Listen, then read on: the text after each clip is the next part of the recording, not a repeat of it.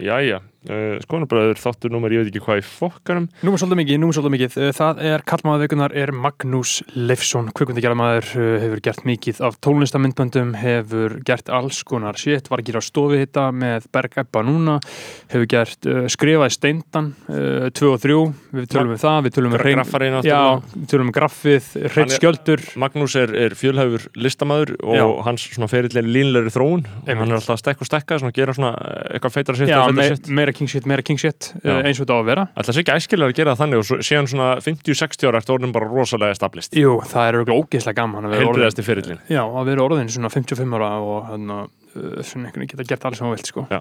Eh, Það er mjög gaman að tala um Magga vegna þess að Já. hann er, eh, hann er svona eh, hann er bara einn af svona stólpurum í alls konar menningaframleiðslu Já. í Reykjavík og í, á Íslandi þú veist, Mhm. og, og kannski að einhverju leiti svona nokkuð þögull farþegi sem slíkur sko. Það er ekki eins og að beri eitthvað yfirgengilega mikið á honum sko. og náttúrulega tónlistmennböndin sem hann hefur gert hafa uh, bara verið rosalega áhrifamikil Já. og upp á þessa framleyslu upp á allt annað level Já, og hann á hefur rifið upp standardina Já, sko, bara ek- ekki spurning. Og fyrir þá sem ekki þekkja þá eru þetta tónlistmennböndin eins og uh, Brennum allt, Úlfur Úlfur, uh, Tarantúlur Úlfur Strákanir Emsi Gauti. meira en þegar þú myndi óra fyrir og ef þú ferðin á síðunars Magnús Leifsson sem ég gerði eitthvað tónlistamöndbandi er Sigur með Gísla Pálma 2012 Einmitt. og það er náttúrulega sögulega gott Já, myndband sko. og svona það nýjasta sem að fólk mann eftir núna er spurningar með Byrni og Páli Óskari mm. þannig að það er, það er sko það er margt að ræða og við ræðum það við förum Eh, yfir þetta allt uh, en við ætlum ekki að hafa þessa kynningu mikið lengra en áður en að við vindum okkur í þáttinn þurfum við náttúrulega að láta hlustendur uh, vita og minna á Patreon Patreon síðu, skoðana bræðra lagsins. Þar getur þú kæri hlustandi nálgast þennan þátt til dæmis fyrr en uh, venjulegur uh, hlustandi. Mm. Síðan getur þú líka fengið aðgang að uh, öðruvísi þáttum sem að við framleiðum. Til dæmis höfum við gert heimilda þáttaserju um Drake við höfum gert heimilda þáttaserju um Norðurlundin, alls konar stöff í bóði þar og bara umfjöllun um bara hitt og þetta sem okkur dættur í hug.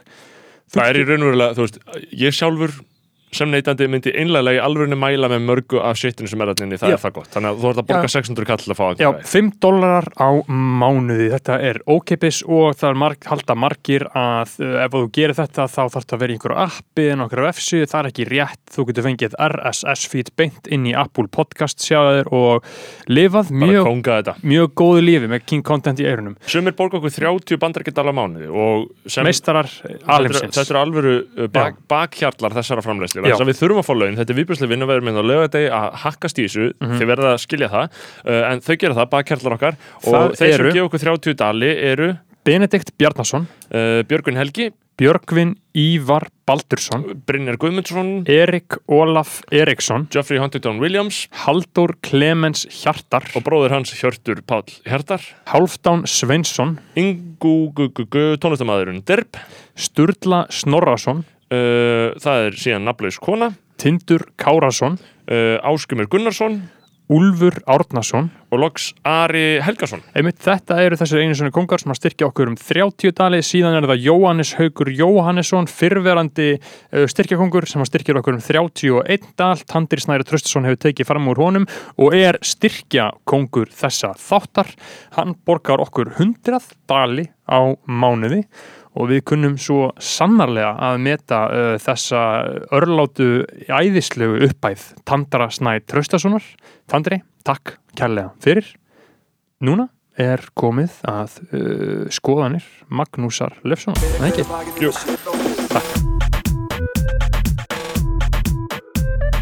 Fyrir hver að bakið þeim að sé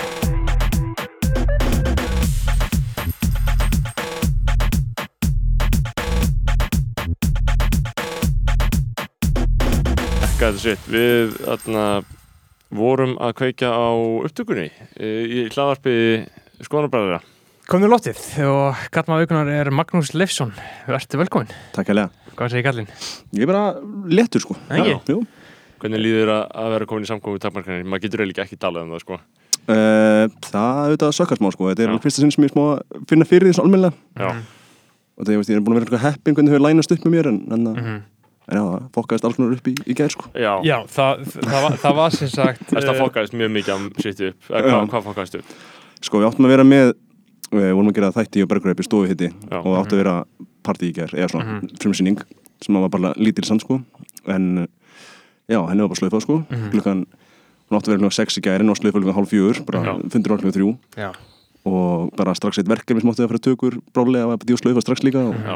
Við vorum meira svo á leiðinni, ég og Beggi á, á þessu ágættu frumsýningu, höfum skipilátt okkar dag eftir þetta en, Já. en uh, það var ekki mikið úr því Nei, ég sá líka e-mail hann að grautin þinn sem þú fyrst bara cancellation, cancellation já. Ég, ég, held, Já, ég, hef, ég held ég hef fengið 12 e-mail Þannig að uh, við, við þurfum bara að fresta þessu. Þá getur til allt þetta að standa saman núna. Já, Já. einmitt, og, og allir með einhverja klísjur. Og, Já. en þú veist að það, það er svona valla að neitt þurfa að taka fram þú veist að það sé verið að já, en það gera allir. En þú veist ég tekið með því sko að því að síðustu tvær bylgjur ef við segjum að það hafa verið tvær þú veist það, það, haf, það hefur verið svona einmitt leðilegt að þessi COVID en þú veist, bara eitthvað, já, já, ok, þá verð ég bara eitthvað að vinna heima í smá stund, en Já, núna já. finnst mér þetta að vera bara svona alvöru ógeðslega pyrrandi já, já. Já, sko, ég, ég fekk sko tvö símtöl í dag uh, frá, sem sagt, bara fólki sem vildi staðfesta það að ég hafi séð að þetta væri cancelled. Mhm. Bara eitthvað forstöðumöður mm. grunnskólan sér sandgerði var, var að ringi mig og segja að ásvöldinni verði ekki. já, já. en, en eins og með verkefni fyrir, fyrir þig, ég meina eh, eitthvað svona tökuverkefni, er líka vel að beila slíkt sitt, eða?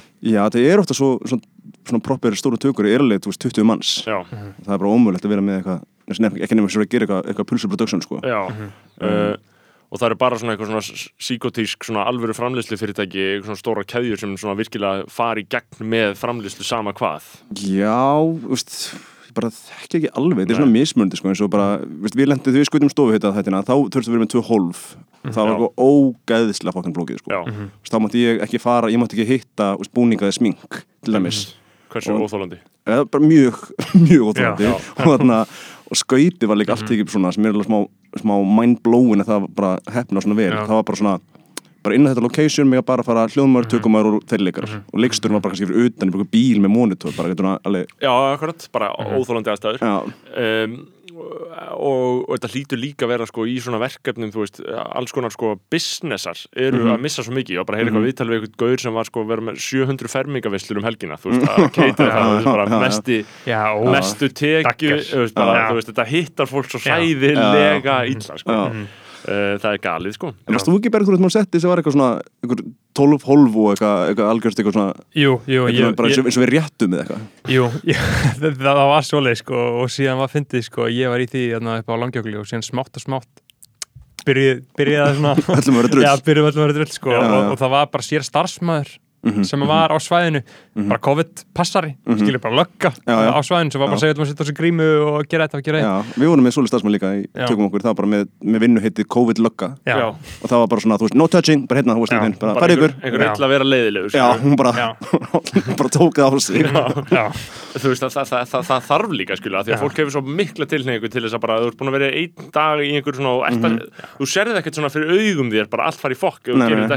þú allt þú bara hættir að fylgja þessu sko. Það er mjög lett að hugsa fokkitt sko. Já. Já, já, algjörlega.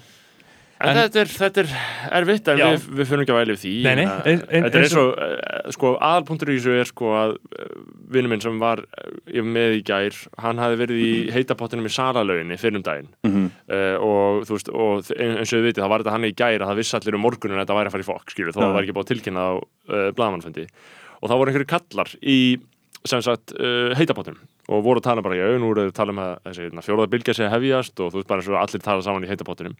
Og svo voru þetta bara einhverju gamli kallar og voru að segja bara ætlu við að fara að grenja yfir því? Þú veist bara, eigum við að vera hérna að fara að grenja yfir þessu, þú veist sem, var, sem er svolítið andinn sem var áhældi að taka. Þú veist, bara ætlum að vera hérna að fara að grenja yfir þessu, þú veist, bara, þetta eru nokkra vikur kannski skilur og síðan þetta bara búið Já, það er ekki annað hægt sko. Uh, en stofhiti Já, með uh, Bergjæpa mhm, það er komið já. inn á bara, datt bara inn í fyrsti dattin í dag á stöndurplúri eða allt, Já. ég veit það ekki. Já, miðnætti.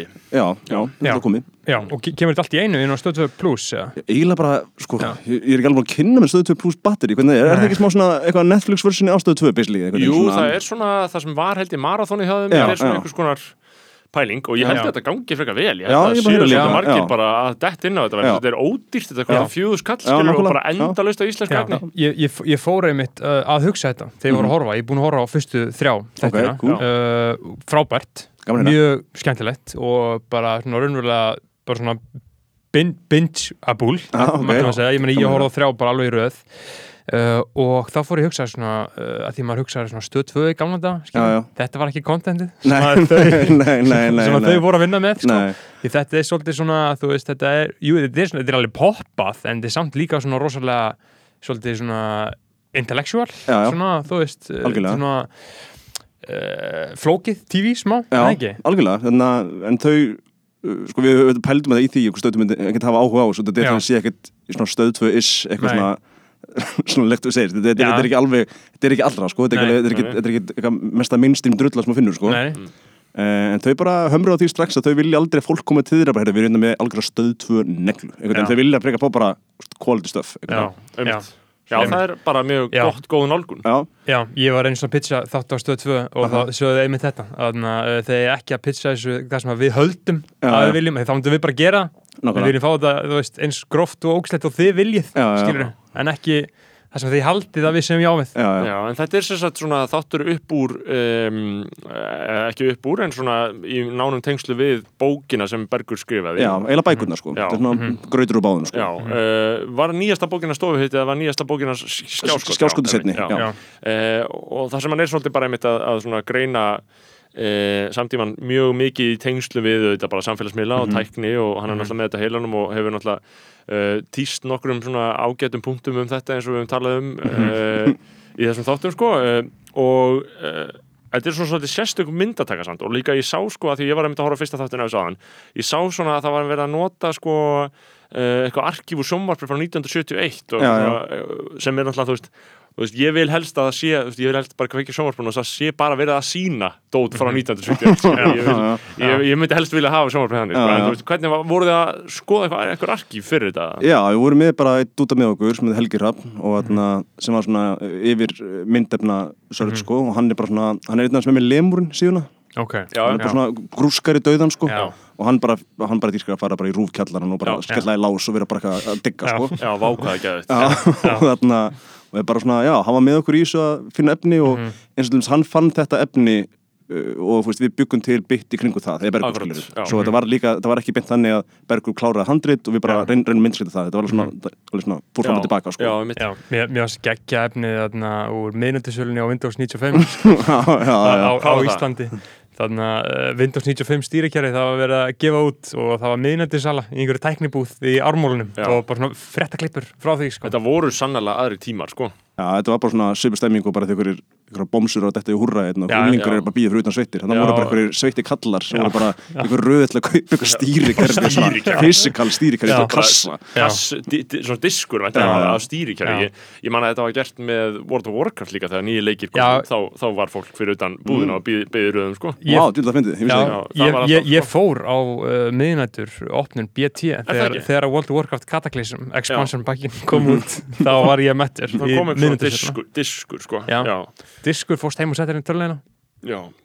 Mér, og, og mér finnst líka gott sko í þáttunum uh, talið um ára 95 sko. Mhm. uh, að það sé svona síðasta árið sem að Dót kom út og það var ekki til á internetu Já, já, já, Já. þetta er svona ámörkunum það er uh, einhvern veginn svo stutt síðan. Já, En það er sko. hvenær er þú fættur Maggi? 83 83, ok, þannig að þú varst 12 ára þegar það Mhm. var og þú manst enn þá eftir að shit kom út og það var bara, interneti var ekki eins og inn í myndinni Algjörlega sko Já, Ég maður bara, fyrst, mína fyrstu minningur á internetinu er að fara á borgarbókasafnið Mhm. Er það ekki sem er í þingoltunum? Jú, það ekki Jú, Uh, jú gamla Jú, gamla. Gamla, Já, jú, já, já, sem já. Robert Westman á núna Já, já, nokkulega Mín fyrstu minningur er að fara þar með gíslagaldri og við vorum bara eitthvað að fara á artcamps.com að hlaða eitthvað grafíti myndum sem var bara itti og það bara Já.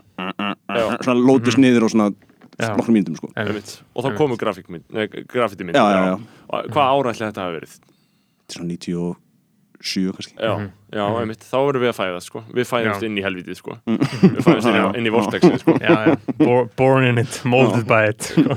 Digital natives Já, sko já. uh, Sko, an annað sem ég fannst uh, uh, skemmtilegast í þáttunum sko, var hann að þegar að hann Bergur var að tala um uh, að vinnur sinn hafi verið hakkaður á Facebook og, Já, já. og, við, og hann var einhver, einhver sagði um að na, sem hakkaður á Facebook, misti Facebook- Facebooki sitt og hann bara hvað er að gera og einhver sagði bara ringt á lögguna Mhm.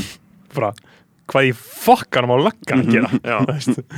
Facebook er máttura en lögregla já, miklu, má- miklu Já. áttur sko um, munum að tala um svona opn- opnarins, ég að muna núna Mhm. er svo ógæðislega bælt móment í mentaskóla mm -hmm. þá var einhver vinur minn sem að að frændans var að flytja inn anna, hvað hétt þetta það Jackass hann- Já, já, já, þau komu hérna, einhver svona, einhver gaurar við vorum Einhver- einhver sjó í já, Þóslubíu, einhver svona Já. algjört svona láminninga viðbjörnslega sjó sko.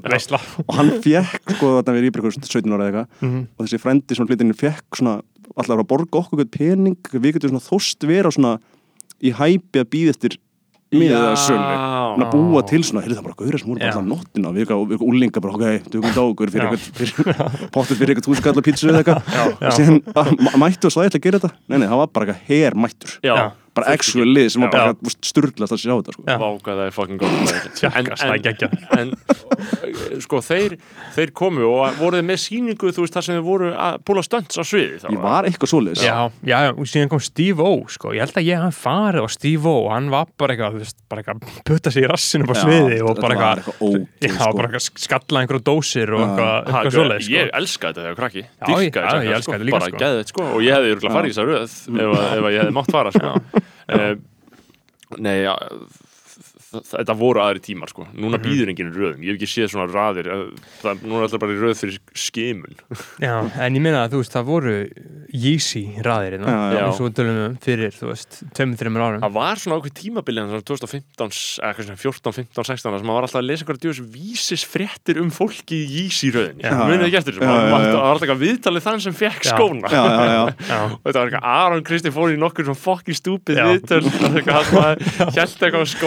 Eitthvað eitthvað eitthvað, ég elska tísku já, eitthvað. Já, ég man hafa með einhverja lambúsetti og einhverjum, Já, eitthvað halda á nýju Yeezy sko. Var ekki lið ekki að tjálta í rauðinni Jú, það var Jú, það sko. Jú, Vá. og þetta er náttúrulega fullkomin auðlýsing fyrir húrra sko, þetta Já. gerði þau að svona þessari verslun. Já, já, já. mjög gott sko.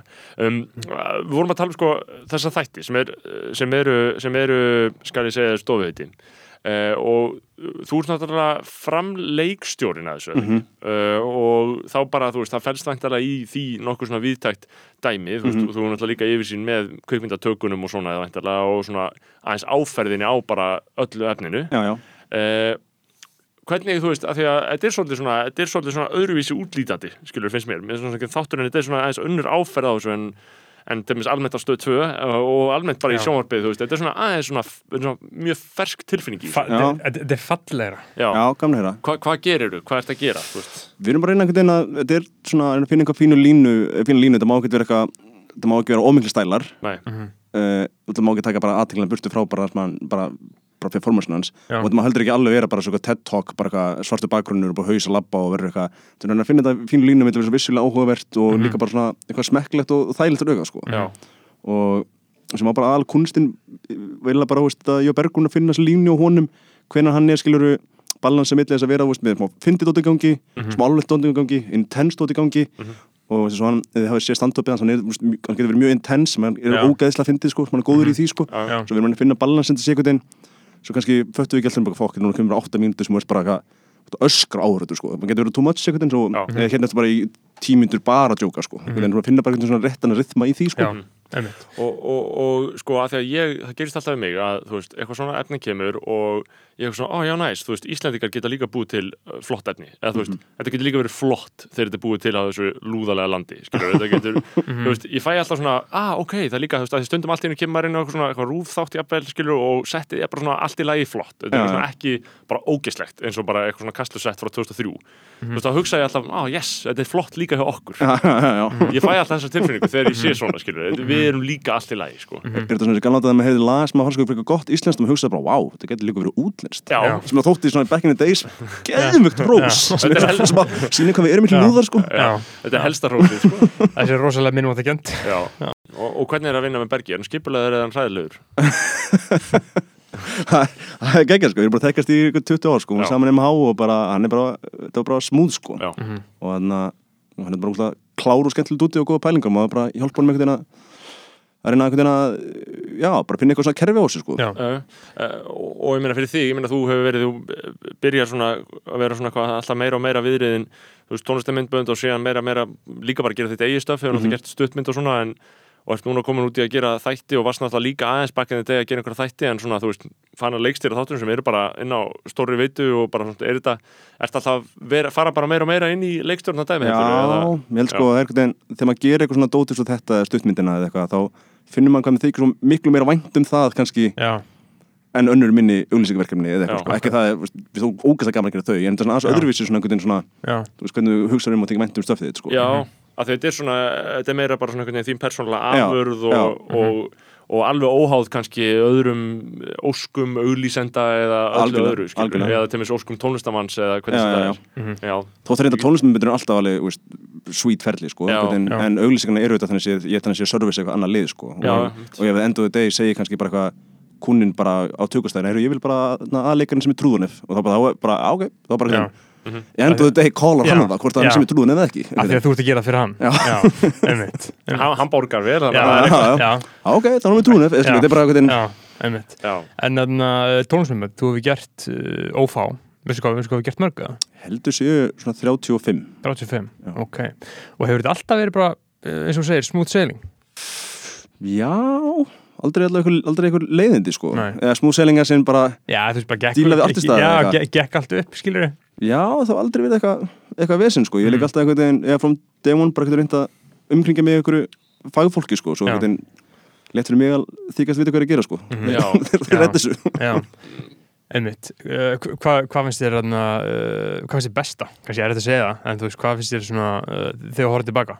mm, það ég veit ekki, maður tekur vænt með allt sko Já, um, tekur alltaf mjög vænt um tarantúlur með Úl Úl sko, það Mhm. var bara svo ógæðislega skemmtileg ferli já, Mm. það var á bíladöfum eða ekki Já. Jú. Mhm. Já, það var byrjli bara gunna á stað bara í bíl og við sem ekkert hvað myndum veist, komið tilbaka til sjátaða sko. Mhm. maður gæti hann sér ekkert skiplagt neitt sko. nei og svo kom út legendir í myndband Eru hundarnir í bílnum þar? eða? nei, nei, það, er, það, það já. er brennum allt Já, það er brennum allt Gerðu þú það líka? ég ger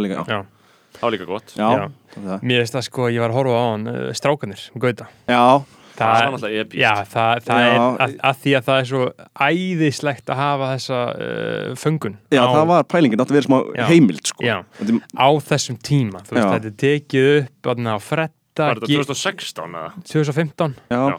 GP er þarna, þú veist, Mhm. þetta er tekið upp á laugavegi 33, þessum, þessum strákunar áttu heima og þú veist, það er svona gauðra það þar nei, þetta er þeim á gautur endar Er það heima á Gauta? Já, ok, þetta eru allir já, samt, já. En þeir eru allir þarna og Herra og Joe er já. bara, þú veist, já, þetta er geggjuð sko uh, kjörnun á Já. einhvern veginn svona byrjunin á byrjunin á íslensku rappi já, þetta var einhver svona einhver sena, gaman eiga þetta sko. Þannig, að- en þetta er bæðið bæði eina músikvídeó sem ég skaut sjálfur sko. Ok, einmitt, skoðist það sjálfur já, Ok, annars hef ég alltaf verið með eitthvað eitthvað proffa með mér sko. Mhm, einmitt. Og af hverju, skoðist þetta sjálfur. Bara gauti svo nýskur og áttinga pening og þannig að það var það sko. Nei, er tjóka, en satt, þú veist, þetta var nándjótt bara gert í eitthvað svona vinna stemmingu sko. Já, En akkurat bo- borgaði sér heldur vel fyrir hann Ég meina, eh, þetta sprakk Já, og hann, þetta lag, þetta var svo risa stórt þetta bara Mhm. algjörlega Já. velt, velti þessu sturlun, þessar sturlun staðna hjá honum Já. um þetta leiti sko. um, Best, svo besta kamu í þessu finnst mér samt vera að það er Öddi Lú sko bara, bara, bara, bara pre-fame Öddi Lú Já. mættur hann sko til nú mættur þarna Jón Pétur er í þessu mynd Já, já, já. Því, sko. já, já. Uh, það er alls konar funny faces sem maður opnar þetta sko. Öddi, Öddi pródúseraði Hann. Hann hann pródúseraði læg Það, er, það er líka frekar fyndið Já. sko. Já. hann gaf ekki út sjálfur lag örugglega fyrir 2016 sko. Mhm. uh, og þá var það á ennsku og þá var þarna þegar fólki var í sleik á þjóðabókleðinni Mhm. Mhm. uh, það var eitthvað myndband sem held ég bara þú veist, Árni Bindeit gerði eða eitthvað, ég man ekki alveg hver gerði það sko. uh, ég vona að ég sé ekki að svíðin þannig að uh, já, ég man eftir því en sko líka það er element, ég meina þetta þessi, þessi þarna, uh, skrásetning á tíðaranda Mhm.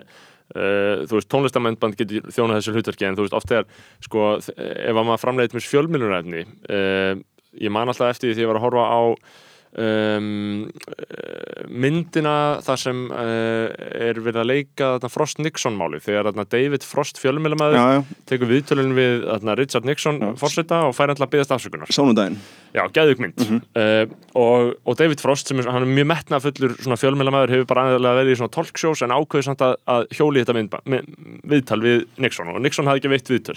Var hann einhver smá, einhver smá svona gíslamartin típa, þannig sé Jú, þú veist, og, og Frost, David Frost var bara algjör bara einhver svona, þú veist, einmitt, bara einhver spaugari í það, já, og allir voru bara bara, hvað í fjandarn er þú að taka þessi mynd, nei, mynd- viðtöl við Nixon, sko, eftir, eftir Watergate og hann þurfti að, hefur þú séð þetta bæði? Nei, ekki sé það. Þetta er Oliver- Stone mynd, ekki? Uh, ég veit Ég held að, ekki, jú, jú.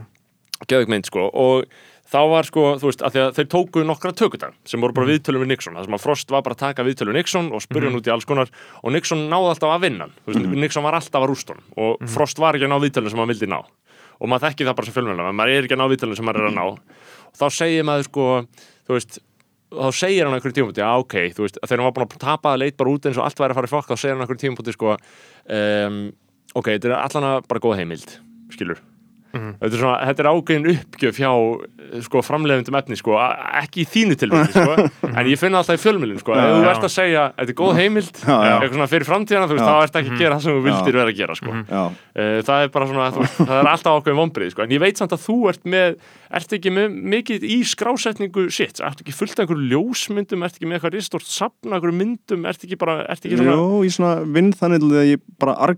Jó, já, sko. ert ekki með bara eitthvað risastort arkíf af bara alls konar drastli Jó, smá. Já, bara heima þér. Já, Já, þetta er eitthvað physical sub sko, þetta er bara eitthvað en anna, já, jú, reyndi líka en, svona, en uh, þannig oft mitt svona kreatífi hugmyndaferli, er eitthvað Já. að sapna stöffi og, og para það saman og verður eitthvað nýju og bara svona, já, þetta er svona smá svona einhver, einhver svona grúskara elementi sko Já, Já. og ertu með þetta bara einhvern flökkurum eða með möppur Þetta eða? hljómar þetta sé einhver, einhver síkopati sko en þannig Nei, þetta er bara meira Já, já, maður smá, maður með einhvern Já. insbú, insbú folder sem maður, maður sapna Já. hérna á þessu og Já, Já, ég, þetta er svona bara, fólk setur saman svona möppu Já. og á svona möppu, listamenn Já. gera þetta, Mhm. þetta er alltaf verið að byggja það fólk um þetta þegar það fyrir einhver svona listaháskóla og það er alltaf að skilja einhverjum möppum, ég get aldrei farið í listaháskóla, ég get ekki skilja þessari möppu, sko, ég fæ svona algjörðan kvíða því ég hugsa um að skilja einhverjum svona insbá möppu, sko. já, go- gott að vera svona digital hoarder sko. Já, já, algjörlega sko ég er samt anstæðið við það, ég hata gögn, ég hata gagna umfangið og bara sapna þessu og halda utanum þetta og ég hrættur um að þetta eyðist og mér langar í klát og ég nenni ekki að pæli Já, já. alls konar vesen, sko. Uh, ég þyrfti bara að kaupa með svona Ristorn superflakkara, sko, sem ég myndi treysta að ég myndi ekki að eyðileggjast, sko. Já, ég væri til í það. Uh, en þú veist uh, það ferli, ég menna þú veist bara að, að uh, varðveita svolítið fortíðina líka, skilur Mhm. þú, þú ert með náttúrulega, þú veist, í þessum myndböndum eins og ég var að horfa á þarna ég var að horfa á uh, Sigur með Gíslapálma uh, sem þú og Arnar gerðið já, fyrsta sem ég geri 2012, fyrsta tónlistamindman sem þú gerðið Mhm. ok, það er, það er ekki einu sem lengra síðan ég meina það er bara Nei. 2012 Já, það er svona stutt síðan, þetta er bara ný, ný, ný ár Mér Já. er svona ógeðslega síðan sko mér er samt smá stutt já, mér finnst það samt svo 2012 mér finnst, eða þú veist, þetta eru auðvitað Mhm. þetta eru nýja ár, sko Mhm. Uh, epíst myndband uh, ég man eftir því Þarna, uh, en þar er til dæmis hann í einhverjum, veist, pizza 67 ból þú veist, þetta er eitthvað svona eitthvað verið að varðveita eitthvað svona væp frá einhverjum, einhverjum tímabili. Já, ma- maður á fataskarfuna heima er meira og minna einhver svona einhver búningagemslu sko, sem notum maður þetta inn eitthvað kjæftaði sko, þá var þetta alveg þess virði að gemt þetta í einhver tíu ár sko. Já, bara með eitthvað fullt af einhver skrýttum Já. bara eins og bara svona daginn, þá þarna, var ég að gera músikvídeó fyrir Sindra Sengfang Mhm. sem var svona einhver pannikt mann einhver sjóar á netinu eða hvort það vinn bent mér á það sem að s- s- sá þetta vídeo? Já, ég sá það, já, Þetta er einhver, einhver einhver sjóari bara, einhver heiðalur kall sem að var að mynda félag sinum fell og sjóara já, út af bát að spila körubólta Mhm. gullfallið myndafni, Já, sko, ótrúlega eitthvað heiðalegt og fallegt og, Mhm. og fyndið og mannlegt og eitthvað. Mhm, og hugsa alltaf einn daginn nota þetta. Og ég alltaf með þess að bara, þetta screenshot þetta, mm Mhm. það var ekki á YouTube, þetta var sko Daily Motion já. sem var eitthvað svona at the time, eða var ekki svona samkemni síða við YouTube eða eitthvað? Jú, þetta var eitthvað það. svona að síða, sko. Já, Já, og þarna, og síðan kom Sindri Singfam með þetta lag sem var bara, þú veist, mest, Mhm. mjög fallegt og næs og það bara svona myndi eftir þessu screenshoti, sko já, Já. svo þetta er einhvern veginn maður getur, alltaf notað þetta í eitthvað gett sko. Já. og þá höfðu við bara sambandi við hennar kall og hann tók Já. ógæslega vel í þetta og hann bara sendi mér eitthvað gigabæta og eitthvað Já. footage og leiði mér að Já. bara góða nött sko. Já. Já, Já. það, það- það er nefnilega, þú veist, uh, ég held að í ymsum tilvikum, sko, þú veist, þá er, uh, þú veist, þetta er ákveðin blekking, þetta er svona góð blekking listamannsins, þú veist, að, þú veist, einhver kemur óskar eftir þjónustu, hérna búðum til myndband, skilur, og þá ertu með eitthvað, þá ertu bara með sapn, skilur, það er bara að sko, já, að tjekka já, inn í það, skilur, þú veist.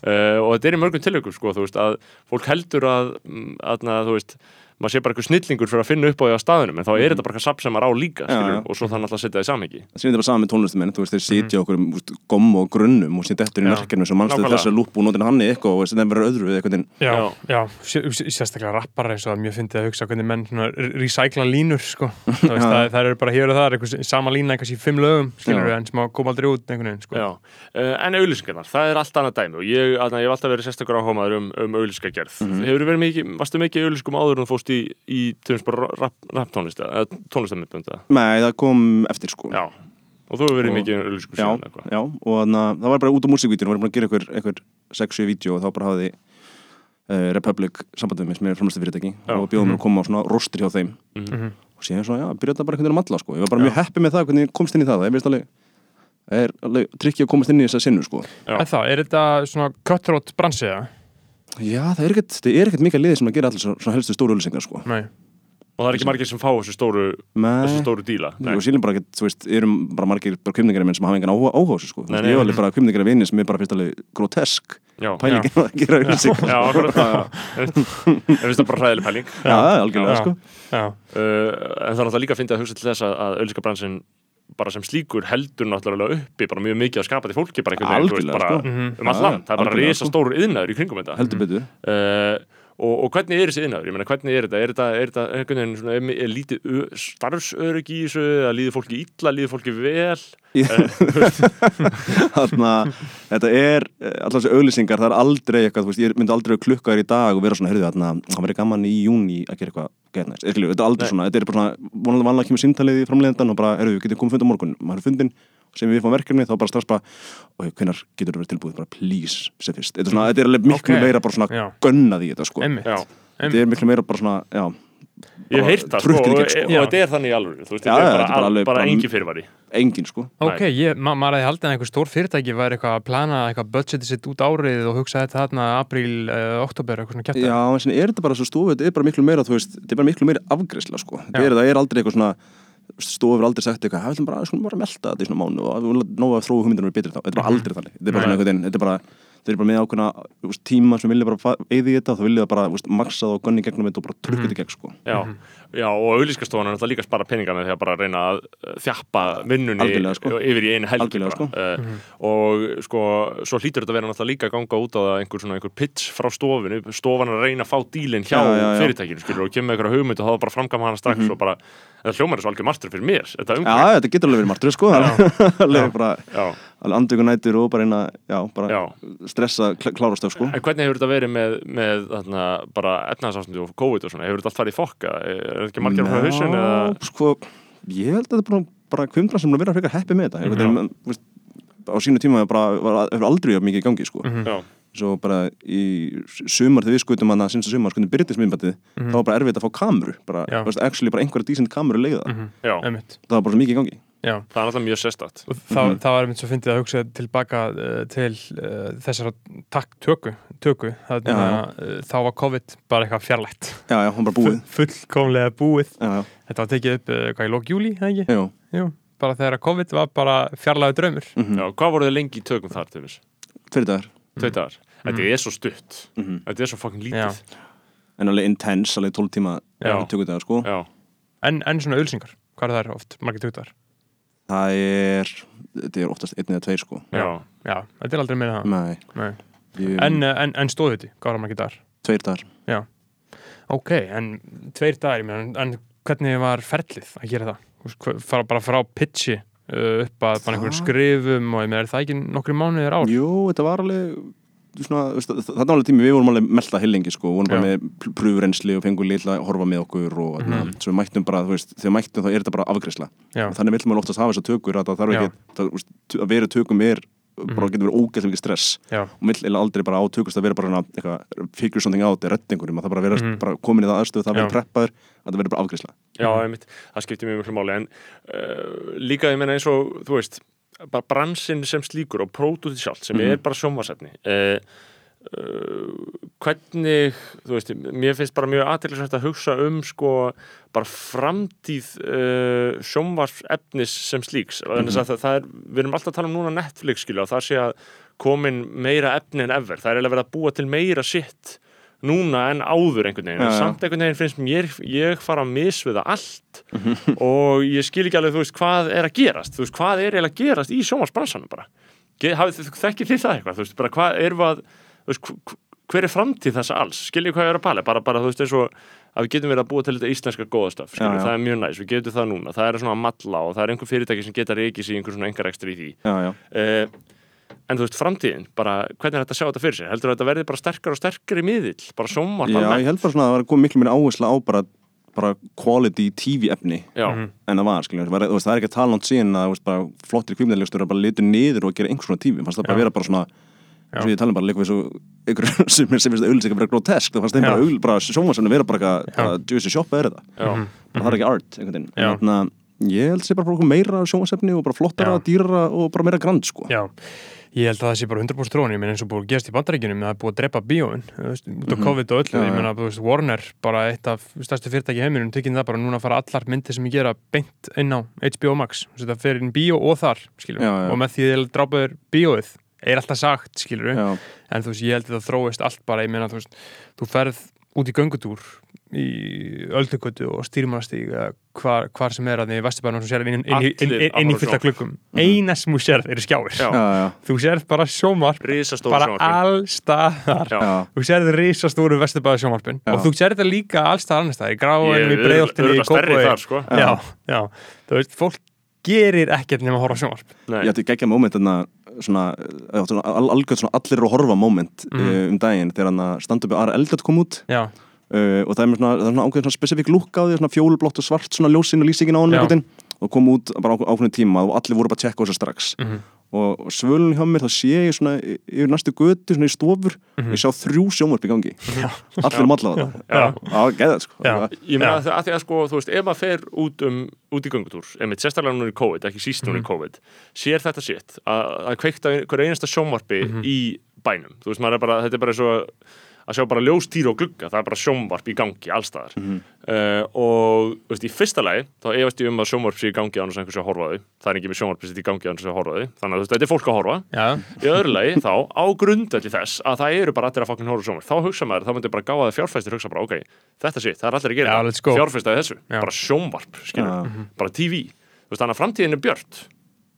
Já, já, ekki, ég Jú, jú, jú, 100% sko. Og, en mér finnst aðalega sko áhverð að spáði því eins og stöttu plus er að sækja sér veðrið Já, já, uh, og þau hljóta að sjá fram á það að geta borga allt þessi eitt. Ég meina seriur kosta veist, upp Mhm. í 10 Að- minnst, 20 að mils. minnstakosti uh, 10-12 miljonir upp í, skilur ég veit ekki hvað allir dýrast það serið sem stöttu hefur gert?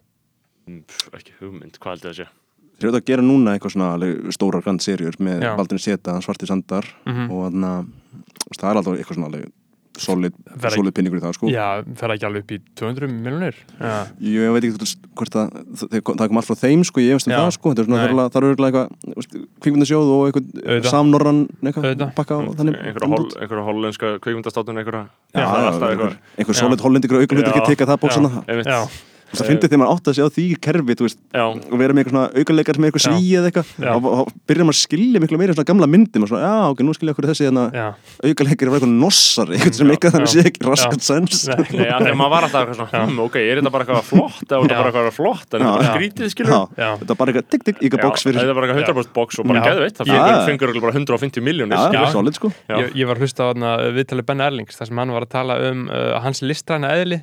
100% box og bara Já. geðveitt, það Já. fengur, fengur örugglega bara 150 miljónir, Já, skilur Já. solid Já. Ég, ég var að hlusta á þarna viðtalið Ben Erlings þar sem hann er Mm. Hann kvennleikstjóri þannig að hann ætlar að fara í þjóðskrá og skrá sig uh, sem eitthvað svona uh, millikins, skilur, Mhm. óskilgrend kyn, skilur uh, og þá getur hann sótt í þess að belgísku Já.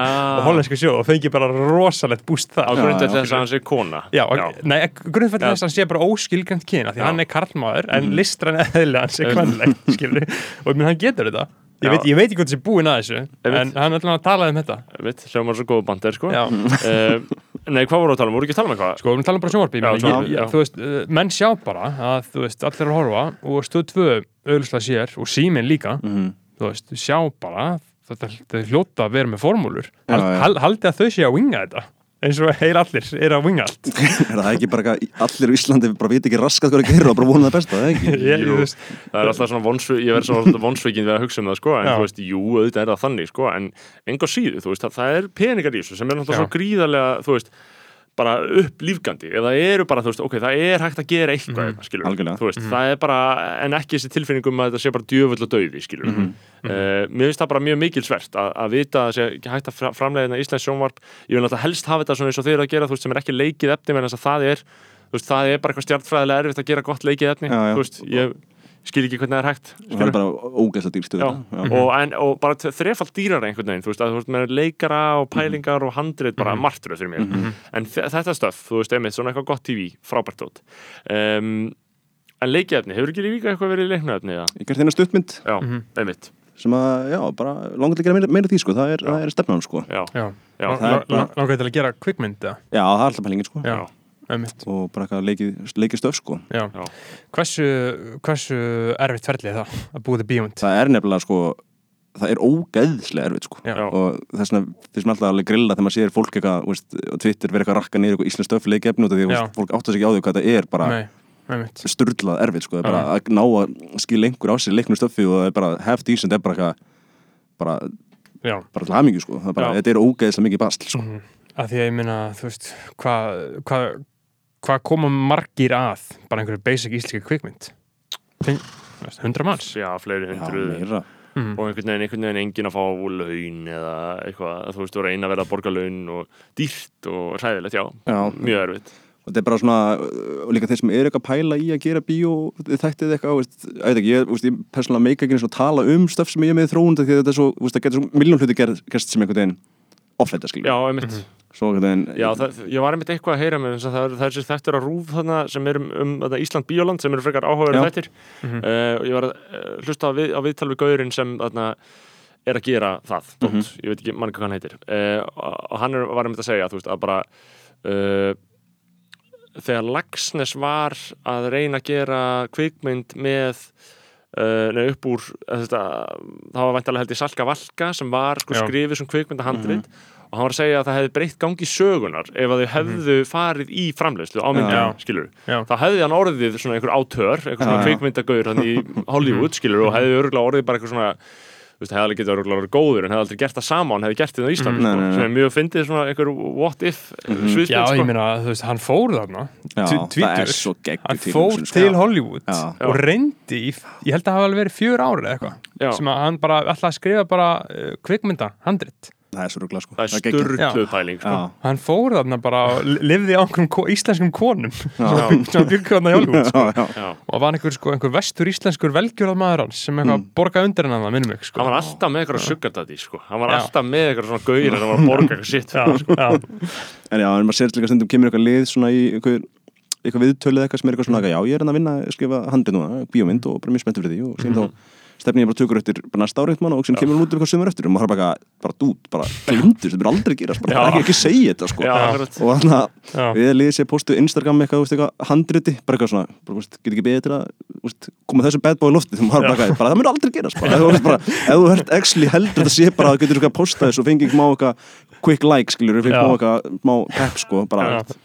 Þetta er bara svo, þetta er bara svo ógæðislega mikið langklub og Já. bara svo mikið af stöfnum gerst sem að fokkar, fokkar Mhm. öll upp, sko og er, er, er þetta sér íslenskt vandamál eða eru menn að díla við þetta ja, í Hollywood sem og í Evrópu ég held þessi alls það, sko Já, ég bara að- þessi skák þættir en Netflix Já, sáðum við þá, já, Þú einmitt. veist, sá, sá típar að skrifa þá að reyna að gera þá í eitthvað 30 ára eða eitthvað, það var, var ekki eitthvað svoleiðis Jú, eitthvað svona galið Já. sko. Já, uh, ég held að í þessu sem öðru þá verður maður bara að láta verkinn tala sko. ekki, ekki að peppa þetta undan á sko. Uh, undan þessu sko. um, hræðileg, hræðileg tilverða Já. sko. ég myndi ekki vilja taka það þessu sem er að gera, sko. já, mm, uh, það er margt annað í þessu já, uh, já, algjörlega ég menna þú veist, það verður mjög gaman að sjá hvernig þetta þróast þegar að uh, bíóin verða af sem ég veit ekki hvort þið verða eða ekki af því það er Já, náttúrulega, já. það er bara miklu meira peningar eins og bara Scorsese fær að gera Irisman fær, Já, já. fær bara endalist budget og fær að gera fjóra klukktíma mynd Já, já. sem að myndi ekki fá að gera í bíó Já, já. þannig að þú veist það, og Netflix sem sagt borgaði undir Irisman og því að Scorsese gæti ekki fengið pening neynsta annar staðar Mhm. til þess að gera þetta nema frá Netflix. Þú veist, Netflix er með meira uh, meiri peninga en bara stóru, stóru, stóru stúdíun Já, Já, já. uh, hvað segir, þurfum við ekki að ræða ímislegt Jú, við þurfum að fara yfir hérna við þurfum að fara yfir alls konar sko, Maggi, þú hefur líka uh, skrifað sjó, Já. sjónvarsefni Já, og varst að skrifa þarna, steindan já, með, með, S- með, með stend og bent með, með steinda á bent ég meina, hvernig var það? Þú skrifaðir serju 2 og 3, eða ekki? Jú, og var smá með þeim í eitt Já, og sem voru líka við saman aðna uh, miskilda snildaverkið reyn, reyn skjöld sem Já. var, sem var ekki Já. negla Já. en, við erum mjög ánæg með ég meina, hvað hva, hva gerist það er? Af hverju var þetta ekki kommersiál negla? Ég veit það ekki sko Ég, er er náttúrulega ánæg með það sko Já, En þannig að þetta var úrslag súrt út sko Já, Ég veit það ekki. En þú veist, hvað voru þetta margir þettir? Ég held að það hefur verið sex minnum eða sjö og þetta var sagt leikin serja Mhm. sem kom út þegar svolítið, þetta var eftir sinda þrjú eða ekki? Jú. Og þegar Steindi var svona svolítið bara, svona, ro, bara orðin svona geðveitt heitur og ungur en Aha. ó- rosalega established líka eða ekki? Já, og ég held bara fólk, það var bara eitthvað of skrítið format, ég, ég veit það ekki. Við, vorum, vorum svolítið mikið hamra á því bara fólk er svo til í eitthvað súrt sko, Já, já. og síðan var bara það var ekki alveg með þess að það hvernig komið þér út? Ég held að þetta svona 2014 Já. eitthvað. Já. já, þetta er bara heitin niss og bara já, já. En hvernig, hvernig er þessu tilfinning? Að gera eitthvað svona og svona ég, hef ekki farið bömrið í eina sekundu sko, en þetta var ekkert eitthvað hausbóki sko, þetta var alveg, Nei. þetta var alveg þú veist, við með þetta og alls svona fólk peppa þetta en, en, það var, þetta var ekki bara svona, þú veist, þetta voru ekki bara bara steindin var bara svo svona psychotic hitt sko, hjá Já. krökkum sko, þetta var bara, þú veist það var svona bara joke, hvað mik miklar Facebook likes yfir og steinda og karakterinn hans og bara eitthvað svona, þetta var bara, eitthvað- bara hottest shit in town já, bara rosalegt Já. já. Já, ég man þetta í, sko, ég Já. var krakki á þessum Já. tíma og það var bara steindi, skilur, Já. bara king síðan kom þetta og það var bara ekki alveg, þú veist ekki, ekki sama monsterneglan sko Nei, einmitt Nei, nei, og svo er það náttúrulega líka alltaf að þegar maður er með samanburðið eitthvað eins og, þú veist, hitt, skilur Já, já, já. og þá ímynda maður sér að þetta sé verra en þetta er, skilur, þetta er kannski ekki Já. svo slæmt, þetta er Nei, bara eitthvað, þú veist, svona bara la-la, skilur, Já. það er alltaf lægi stundum. Mhm. uh, en Steindi var náttúrulega svakalegt dæmi og ef ég hugsa út í núna, það er náttúrulega mjög langt síðan ég sé þetta, var Mhm. þetta eitthvað svona þú veist, var þetta svona pólitíst nei, svona PC, anti-PC dæmi, var þetta eitthvað svona þannig eitthvað neðanbeltis grín í þessu, eða hvað var þetta eiginlega, hvað var í steinda?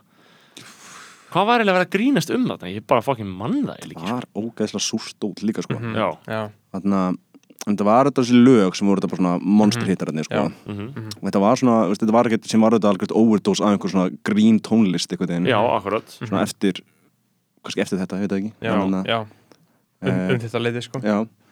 en ég veit það ekki, sem ég bara styrndi hann er þetta ógeðslega bara fyndin og sjarmirandi sko, bara, einhvern veginn, hann var bara, veginn bara people love him sko. Já, Já, þetta var einhvern veginn bara svona sér uh, steinda grín sko. Veist, Þetta var ekki eitthvað svona, eitthvað geðið uh, ekki PC eða eitthvað. Nei, ég er Nei. nefnilega man ekki til þess sko, eða, Nei, alls ekki sko. eða umdeilt, hann var bara með fyndinu og það var alveg óumdeilt bara. Já, já, Já, þetta var bara einhvern veginn svona sér uh, svolítið einkennandi sko. Já, já, En hver er þarna, hver á munurinn á seríun? Frá fyrstu, annari upp í þriðju. Þetta þróaði svolítið og var alltaf meira og meira Já. budget eða ekki? fyrsta serían var þá voru eiginlega bara einhver þrý starfsmenn. Já, það var bara eitthvað shoestring Já, það var, já, þetta voru andjós þrý starfsmenn. Það var Já. bara, Bent var að leikstýra og var Mhm. líka bara einn með eitthvað ljós og einn með kameru, Steindi var bara að leika mhm, og Ditti Fél í hljóðinu Mhm. okkar besti Ditti Fél. Og þarna, það var vist eitthvað svona ég veit ekki töluna, það var eitthvað svona bara, þetta er bara svona bransa saga sem enda að tala um bara, það, þeir bara hafa aldrei við dílið að illa með budget og þeir með þetta. Og það var bara þeir voru bara að redda okkur einustu bara flík Já. sjálfir og betla að greiða það og enginn fikk borga neitt og það var bara, þetta var bara svona, bara vinir eitthvað að djóka saman sko, mhm. nema það var bara fyrir reysa akkurat. Og þarna þá voru alltaf mikið að liðið sem var bara að hjálpa og peppa og skrifa og ég var alltaf mikið svona, á og til með þeim eitthvað í tí mhm, og síðan fengur sér 2 og það sem er budget þá reyðið mig inn og Davík Gurbans líka sem leikara. Mhm.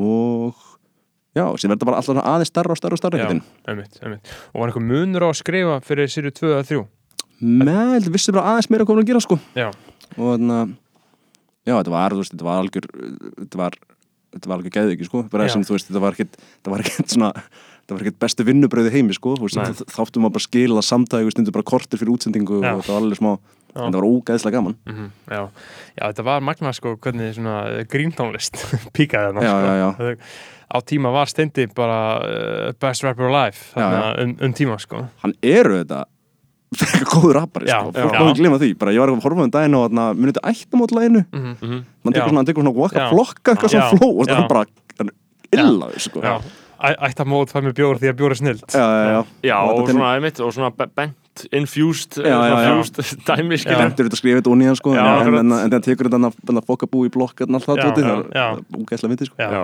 já.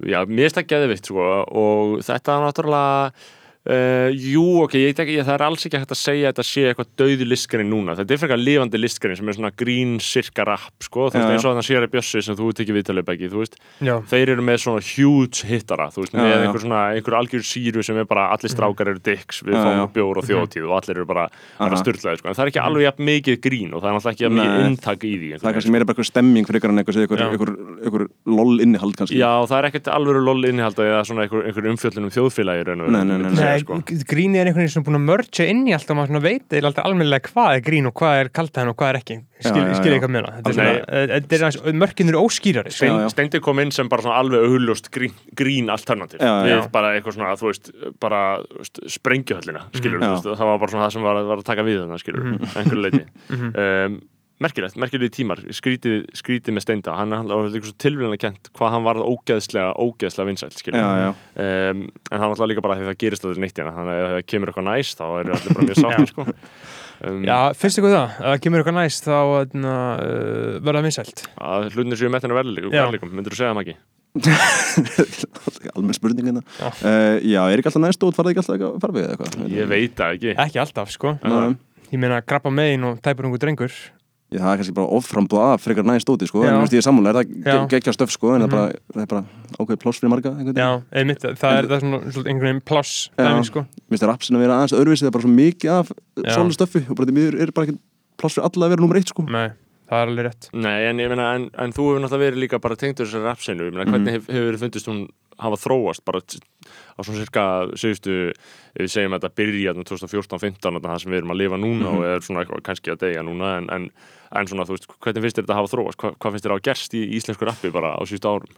Ég finnst bara sko, ég, ég, ég er svona psychotic rap lúði á Íslandi, sko, ég er búin að vera djúft í fylgast í 20 ár, sko, svo þannig að mér, ég hef ógslag gaman á þessu öllu, sko. Já, já, ég dyrkit allt, sko, ég tekka, veist, er bara einhver ef einhver úlingur bara á Patrísfyrðir að gera eitthvað rapp, bara umlætt, ég mun tjekka á því, sko, Já, og ég hef skoðun á því og tala Já. við einhver vinnminni, sko, bara ný, ný, nýja lagi hefur Jónatan í Sævar. Já, ég ég er hjút færa þetta tjók Allir rappar að keira á bara einhverna illa einhverju basic nafni sko. Já, Já. það er ógeð Örvar, örvar Poppa, poppa flösku með örvar í Snævar Ör- Örvar, það er alveg, sko, já, það er bara já. rappari Já, ég var var að tjekka hann bara í dag sko. Að læmi leksaði ekki þannig? Ég, hef ekki hugmynd sko, en ég bara veit að þetta er rappari sko. Og þeir eru líka ofta svona sponsor sponsor af Facebook sko. Það kemur þar inn sko. Já, það er ógeðslega fyndið þannig að var þannig að Björnvælu dítsi vera eitthvað postum það er ógeðslega fyndið það er svona svona Facebook síðu og maður fer inn á þær sko og popp upp svona eitthvað, hi, this is eitthvað Jónatan Sævar, eitthvað, how can I help you eins og þetta sé bara svona eins og maður fer inn Íslandsbronga Já, já. Facebook síðuna en það er náttúrulega líka einmitt það sem gerist sko, er að þú veist, þegar við fáum svona rap boom að því að það komur svona rap boom, þá byrja allir að reyna að gera nákvæmlega sama sko. Já, já, já, Uh, en núna finnst mér leikurinn vera að býða eftir einhverju bara svona alveg fersku og nýju til þess að allir geti fara allan að herma eftir því í stæðan fyrir að vera að hjakka svolítið sömu förum sko. já, já, já. er það ekki sammála því? Ja? Jú, ég held að rappinu er rosa gott að því bara aðeins að vera lúðalegt í svona fjögur, fimm ár sko. Já. Já, ég held að geti verið fínt, sko. En ég meina, ég sé svona ekki, ekki fram á að það gerist, sko. Nei, Hvað? Ég, Að rapp verði eitthvað óvinnsælt Nei, ég veist ég var ekki eitthvað óvinsald en bara kom eitthvað, eitthvað annars verður smá monster hit sko. ég bara mjög til í það sko. Já, ég var mjög til í það, það væri bara eitthvað svona elektro, eitthvað svona brest, svona, eitthvað svona garage in, infused Já. sísjandís Já, eitthvað svona, eitthvað svona þannig, það, það væri mjög jákvætt ef það myndi gerast, sko Minn dyrka það sko. Já, en einmitt, þú náttúrulega varst það var fylgjast og lifa með rappinu þegar þetta var ekki cool. Já, heldur betur það var bara allstæðan já, já, já. Var þetta bara lúðalegt? Já, séð það nú ekki en þú veist, það var ekkert sko bara eitthvað Bibba Basic var ekkert að tjekka nýju veist, eitthvað, fór út um lósplutun og dyrkana sko. Veist, það var bara ákveðin svona, já. það er sem var að pæla í þessu sko. Já. en mér núna er bara Bibba Basic bara, hún bara er með allt úr hennu sko. Já, Já. já, já, já, það er bara uh, elskar þetta sétt, sko Já, og, og e, það var þá allt öðruvísi sena sem var að gerjast þá, skilur, þegar þetta var bara eitthvað jaðardæmi, skilur og, og, me, og þetta var svona kannski ákveðið statement að hlusta rap ákveðið statement bara að vera hluti af þessu og gangi í svona fötum og eitthvað svona, skilur Mhm. uh, og þú varst þar bara Já, Já. ég segja það sko Já. Já. Og þú varst náttúrulega mikið í graffinu, eða ekki? Jú, þetta var svona kelstalega í hendur sko. Já, Já, þetta er náttúrulega the, fourth element. Yes, segðu það, horfðu augunum og segir þetta. Já, algjörlega sko, þetta var alveg svona þetta var alveg stemming saman sko. Já. ég veit ég held að sé ekkert lengur sko. Já, Eða Nei, hvað? já af, afteng, aðskilnaður Já. raps og grafs Já, veit það ekki. Já, einmitt, ég, ég, ég er alveg tilbúin til að segja já við þó ég hef enga þekking á jú, auðvitað, ég þekki fyrst að röppurum en þeir eru ekki beint að graffa nema þeir séu bara í ykkur svona nettu gæðrófi þann daginn. Já. en sko, það getur verið að því graffið er ennþá svolítið svona uh, jaðarstöf, Já, sko já. og rappið er orðið gjörsum andstæða Mhm, já, Jaðarsins, getur sko. sko. En þetta voru bara einhvern senur sem að heldust í hendur einhvern veginn, veit það ekki, þú Já, Já, og skeitið og graffið til dæmis líka ég og Mhm, rapp á, að, að svo miklu leiti sem það var til fyrir mér á þeim tíma, skilur en þú veist, skate og graff, það var bara svona, já, þetta er bara svona klíkur og, og já, já, eitthvað svona eitthvað stemning, skilur Mhm. uh, ungmennalíf var tölvöld öðruvísi þegar ég hugsa þetta núna, skilur þetta var tölvöld öðruvísi en það í kringum 2000 og samanborðið við núna, skilur Já. núna er allir í símunum, þetta var bara frekar miklu meira fucked up já, já. Fyndi við vorum að tala um það daginn bara með þarna ég finnst að heyri svo reglulega núna eitthvað sögur af íslensku röppurum, maður heyri bara svona, já, heyrðu, hann er bara miður sínu við viðtökunum, sko, hann er bara, er bara líkuð í rúmlingindi, sko, bara maður eitthvað svona. Já.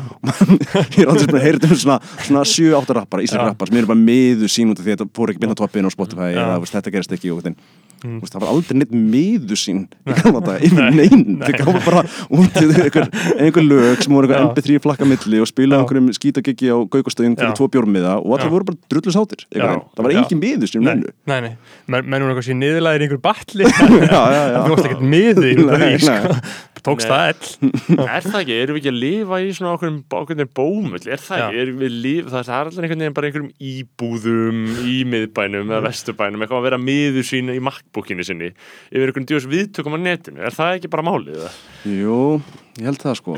Það er svo fokk, ég fyndi að vera miður sín. Það er ógæslega myndi sko. Já. Já, yfir einhverjum, yfir einhverjum tölum á Spotify sko. Já, Já. En sko, uh, graffið, ég meina uh, þú varst lengi í því, djúpur í því Mhm, mm ekki? Ég meina, hvernig, þarna, hvernig blasir það við þér í dag? Hvað er að frétta?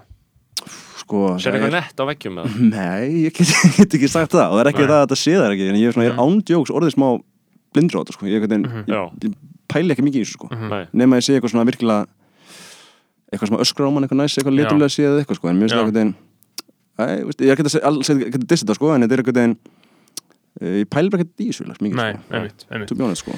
Maður sér heldur ekki, ja, það er bara ekki jafn virt Svolítið auðljóst, maður er ekki að sjá nýtt Koma upp og upp Já, ég held, nei, ég held líka að það sé eitt við þetta sko, bara veist, ég er ekki að- fylgjast eitthvað brjálaslega vel með bara heimsinn í graffiti sko, en ég þekki þetta alveg smá. Samt sé ég alveg bara svona, ok, þessi er smá hann er pælið þessum, ég sé alveg íslensku gaurinu hvað þeir eru, svona, eru smá að segja ekki sér kopja en þeir eru smá svona, þú ert influencer á þessum franska gaur, ah, ok, þú veist fíla þennan breska gaur ég sé alveg það sko. Mhm. og þetta orðið aðeins meiri grautur af sama stöffin finnst mér sko já, Já. akkurat En minni gamla daga bara, þú veist, þá var, veist, þeir hafa getur verið strögglin að vera á, á borgarbóksunum í gíslikaldri að hlaða einhver mynd vartkræmi, skilju, 97. Þú veist, Já. þú, þú gast ekki verið fyrir það miklu influencerum. Nei, Og þannig gamla daga varst bara með einhver nokkuð magasín sem að gengur Já. á milli bara, þú veist, Já. allra. Og gast þryggja, bara, þryggja fjögur ára gömul bara já, og gast bara frekar takmarka verið fyrir influensum og verið eitthvað Já. að bæta, sko. já.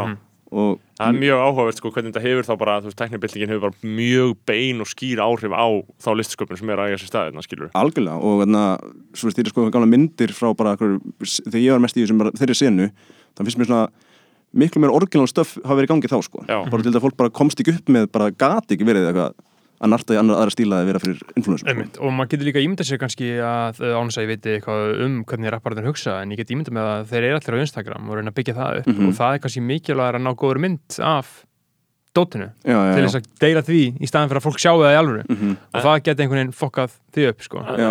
Þegar þú varst að kafi þessu hérna í gamla daga, þú veist, varstu, þú veist, var þetta líf þetta? já, bara svona bara obsessað við þessu sko Já, Mhm. bara, um, bara graffi, bara, Já. já, já. Bara, bara graffi, já. Já, við erum að tala um eitt element um já, sko já, já, the fourth element Já. Uh, Förum fyrir við hinn eftir sko. já, já. já, en þú veist, en, en, en það er náttúrulega, þú veist, þá hlýtur þú að, að, að uh, eiga mjög, bara mjög mikið af, bara mjög mikið af minningum og mikilvæg minningum bara í kringum Mhm. þetta Algjörlega, sétt, sko. eða ekki? algjörlega, það var, það var bara stemming sko, það var gaman sko en, en, en þetta er svona smá, þetta smá young man's game finnst mér sko, mér finnst þetta Já. eitthvað það verður eitthvað tímpúti sem þetta fyrir að hætti að vera cool og vera að vera bara svona dálítið sad sko Já, já, Mér finnst- eða þú veist, þetta er líka bara svona, þetta er eitt af þessu áhumálum sem þú getur bara eitthvað veginn þú veist, það getur alveg en þú veist, þetta, þetta, þetta fer bara ákveðið langt sko já. Já, Og hvernig er ég meina munurinn á þessu? Hver er munurinn á því að vera bara með penna á sér og krót og rafmaskassa og fara út að bomba, verka löglega, fara út á nóttinu hlaupund og löggunni, skilur Mhm. Hvernig er þessi þróun hjá mönnum? Þú ætla að byrja á krót og rafmaskassa, ekki? Jú, jú, bara beint, beint á þá sko, Já. alveg þetta byrjar Já, alltaf já. sko það er svo ógislega basic. Já. já, já.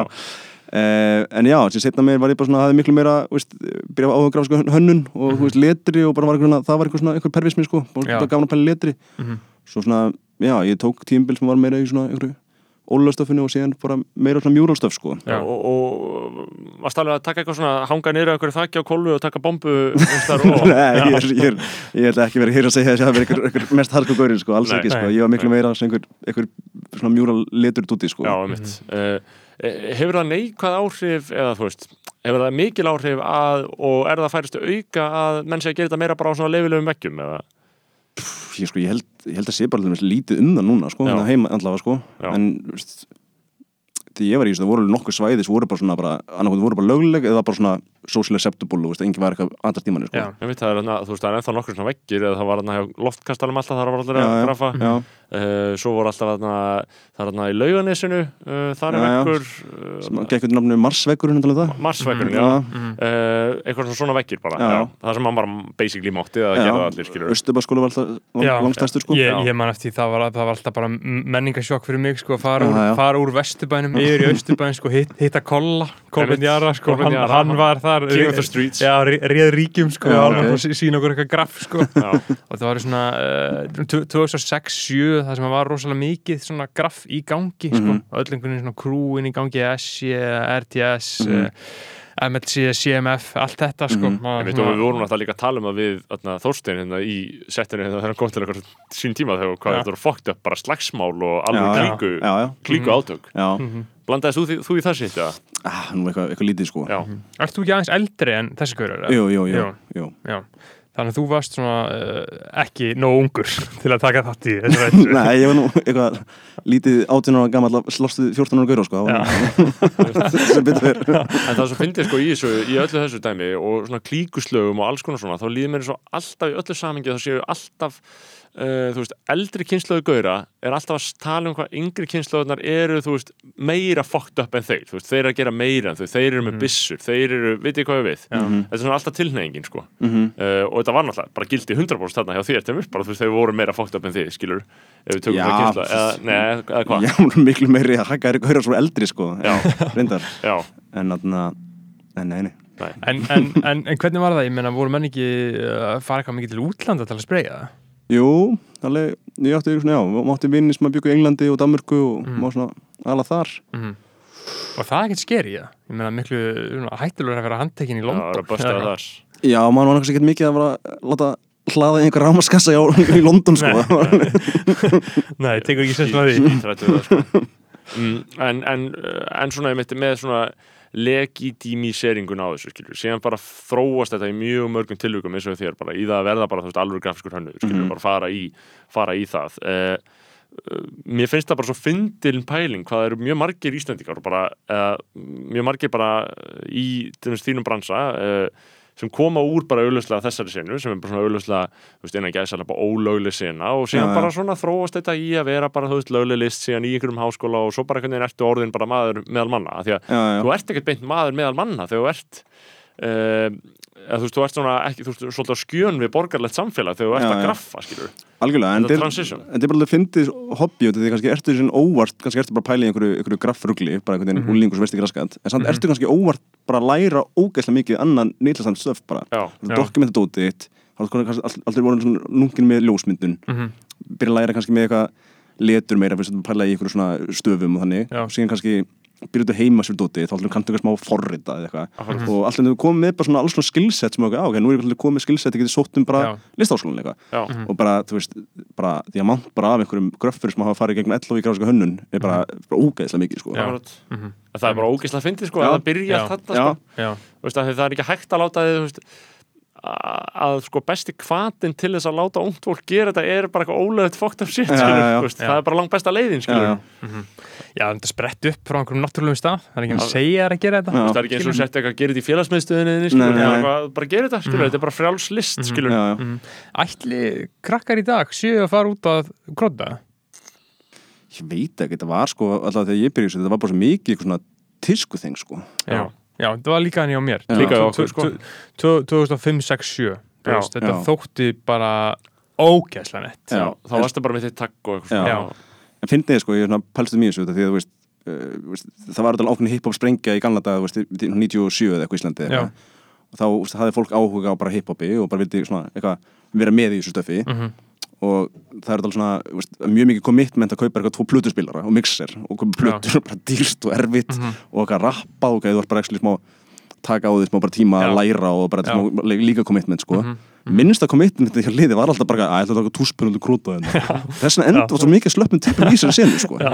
grafsina er alltaf smá bara, alltaf bara gamla daga. Mikið af Liði sko, Já, það, það er lítill svona sem vilja vera með. Já, lítill svona barrier to entry. Þú þarf bara einn penna.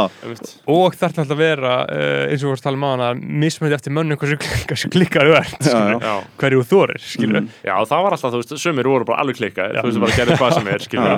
Já, sumi hverju þorðu bara að taka bara daytime á laugaveginu Mhm. bara léttilega. Já, ég meina, ég held að við hljótum að hafa sagt frá því í þessu podcasti beggi þegar við vorum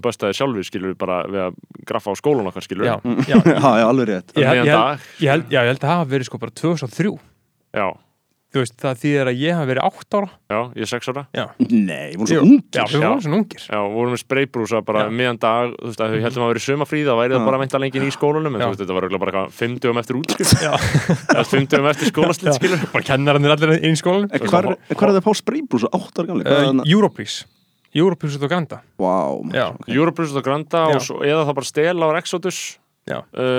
Var það ekki eitthvað hægt? Mm, Ég held að maður hafi meira verið að stela á Euro, frá Já, Europris við stálum sko. mikið úr bíkó og það voru pennar þar, sko Já, já, Uh, við stálum öllu sem áttum Já. sko. Við gátum þetta, þetta var svo fokkin dýrt já, sko. já, ég man alveg að það var bara þú það var átti- áks manni mjög í augum að Já. kaupa spraybrúsa sko. Já, það var já. ógeðslega dýrt Sko, þú átti bara ekki Nei. hvað áttir að fá peningin? Já, Já, en stálu þessu shitið ekki hvernig fenguðu alla málninguna?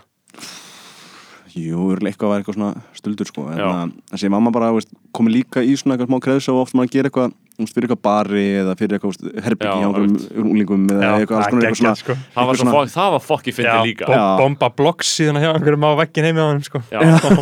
varst, varst ekki oft var, var, ekki, var ekki smá business í kringu að gera bomburinn í veggin í herbyggja hjá einhverjum úlingum eða ekki eitthvað mikill en það var eitthvað um það, hefur, hefur gert það? Ég hef gert það sko Já. og það var alltaf smá eitthvað maður alltaf smá eitthvað óbúr eftir það var einhver, einhver feimin, einhver krakki sem var ekki að peppaður og einhver, einhver fóldir sem að hata þetta skiljanlega.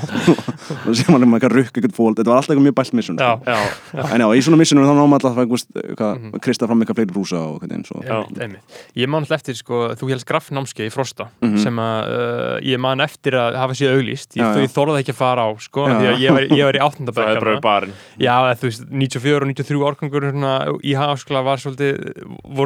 bara í barinn Já, eða, þú veist, 94 og 93 árgangur svona, í háskóla var svolítið voru svolítið miklu gangsterar, sko. Já. svona gauðra sem voru ekkert sérstilega vinalegir á þessum tíma, já, já, flottir í dag, sko. Uh, og maður þorði ekki að fara á þetta námskeið út af þeim, sko.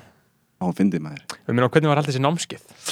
það var stemming sko, ég manlega eftir voru alveg einhverjir tútarinn sem voru bara áið samir og næs á því og voru bara svona kúlaði sko. Heldan hafi verið þarna, var, var Benni þarna? Benni hefur bóttið verið hann já, Já, mér kemur ekkert það, sko. Já, hann, hann allavega, þú veist, þetta var á svipum tíma sko, Já, hann hefur örgulega verið í nýjunda tíma hann var alltaf viðbjösta góður Já, ég man að ég horfði alltaf á hann bara sem bara svona mjög góðan í já, þessu hann var geggjaður sko. Með hvað ég var spastískur sko. Þú veist, það var bara ekki Já. séns að ég gerði neitt gott sko. ég ætla að eðið mig ekkert sko. við fórum bara beint út að bomba sko.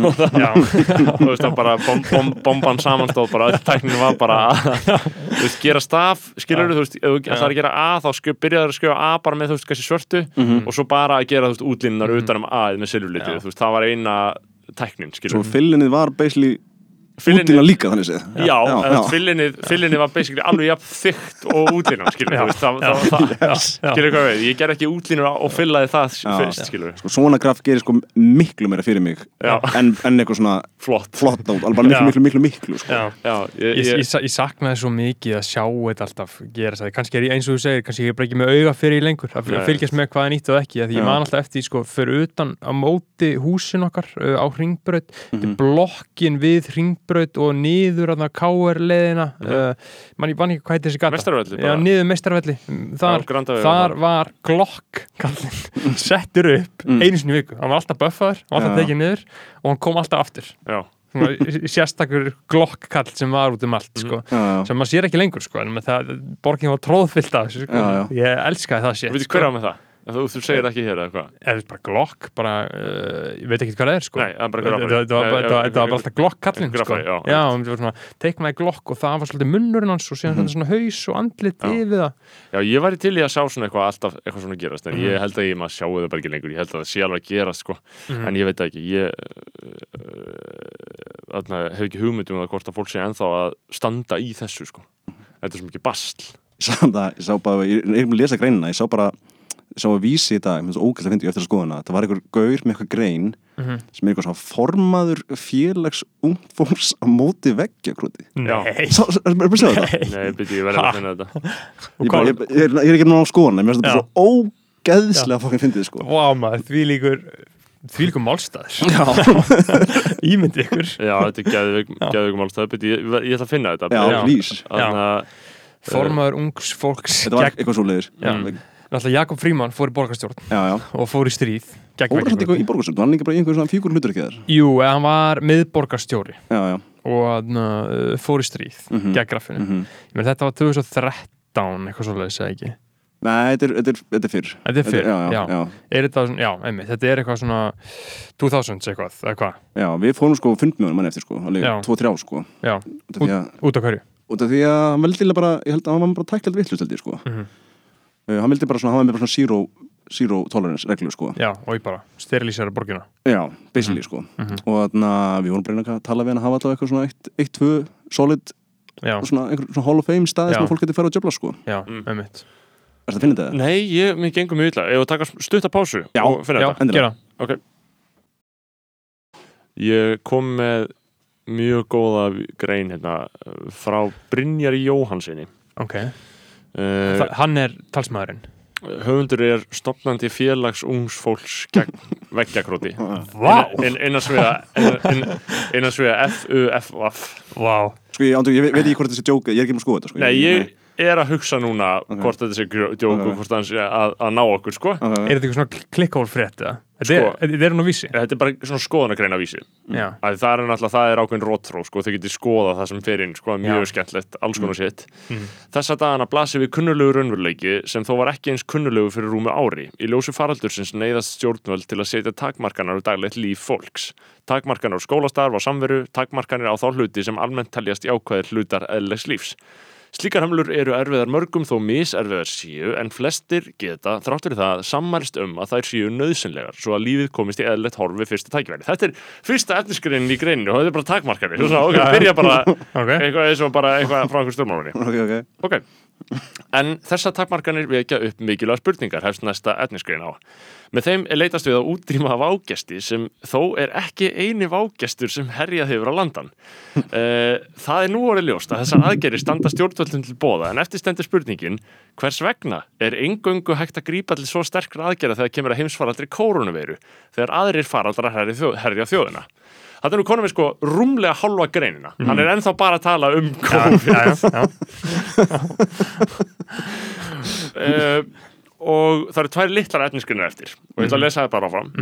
Einnig er verðt að spyrja hvers vegna hægt er að takmarka engöngu jákvæða þar að segja skólastar og samveru en ekki hægt að takmarka raunverulega skadalega hegðun og svo kemur bara niðurlegið ég byðla því til stjórnvalda að grípa all sambærlega aðgerða til að stöðva vandamál sem hefur verið viðvarandi ára ræðir það þarf að stöðva veggjakrótt þetta er ekki flókið.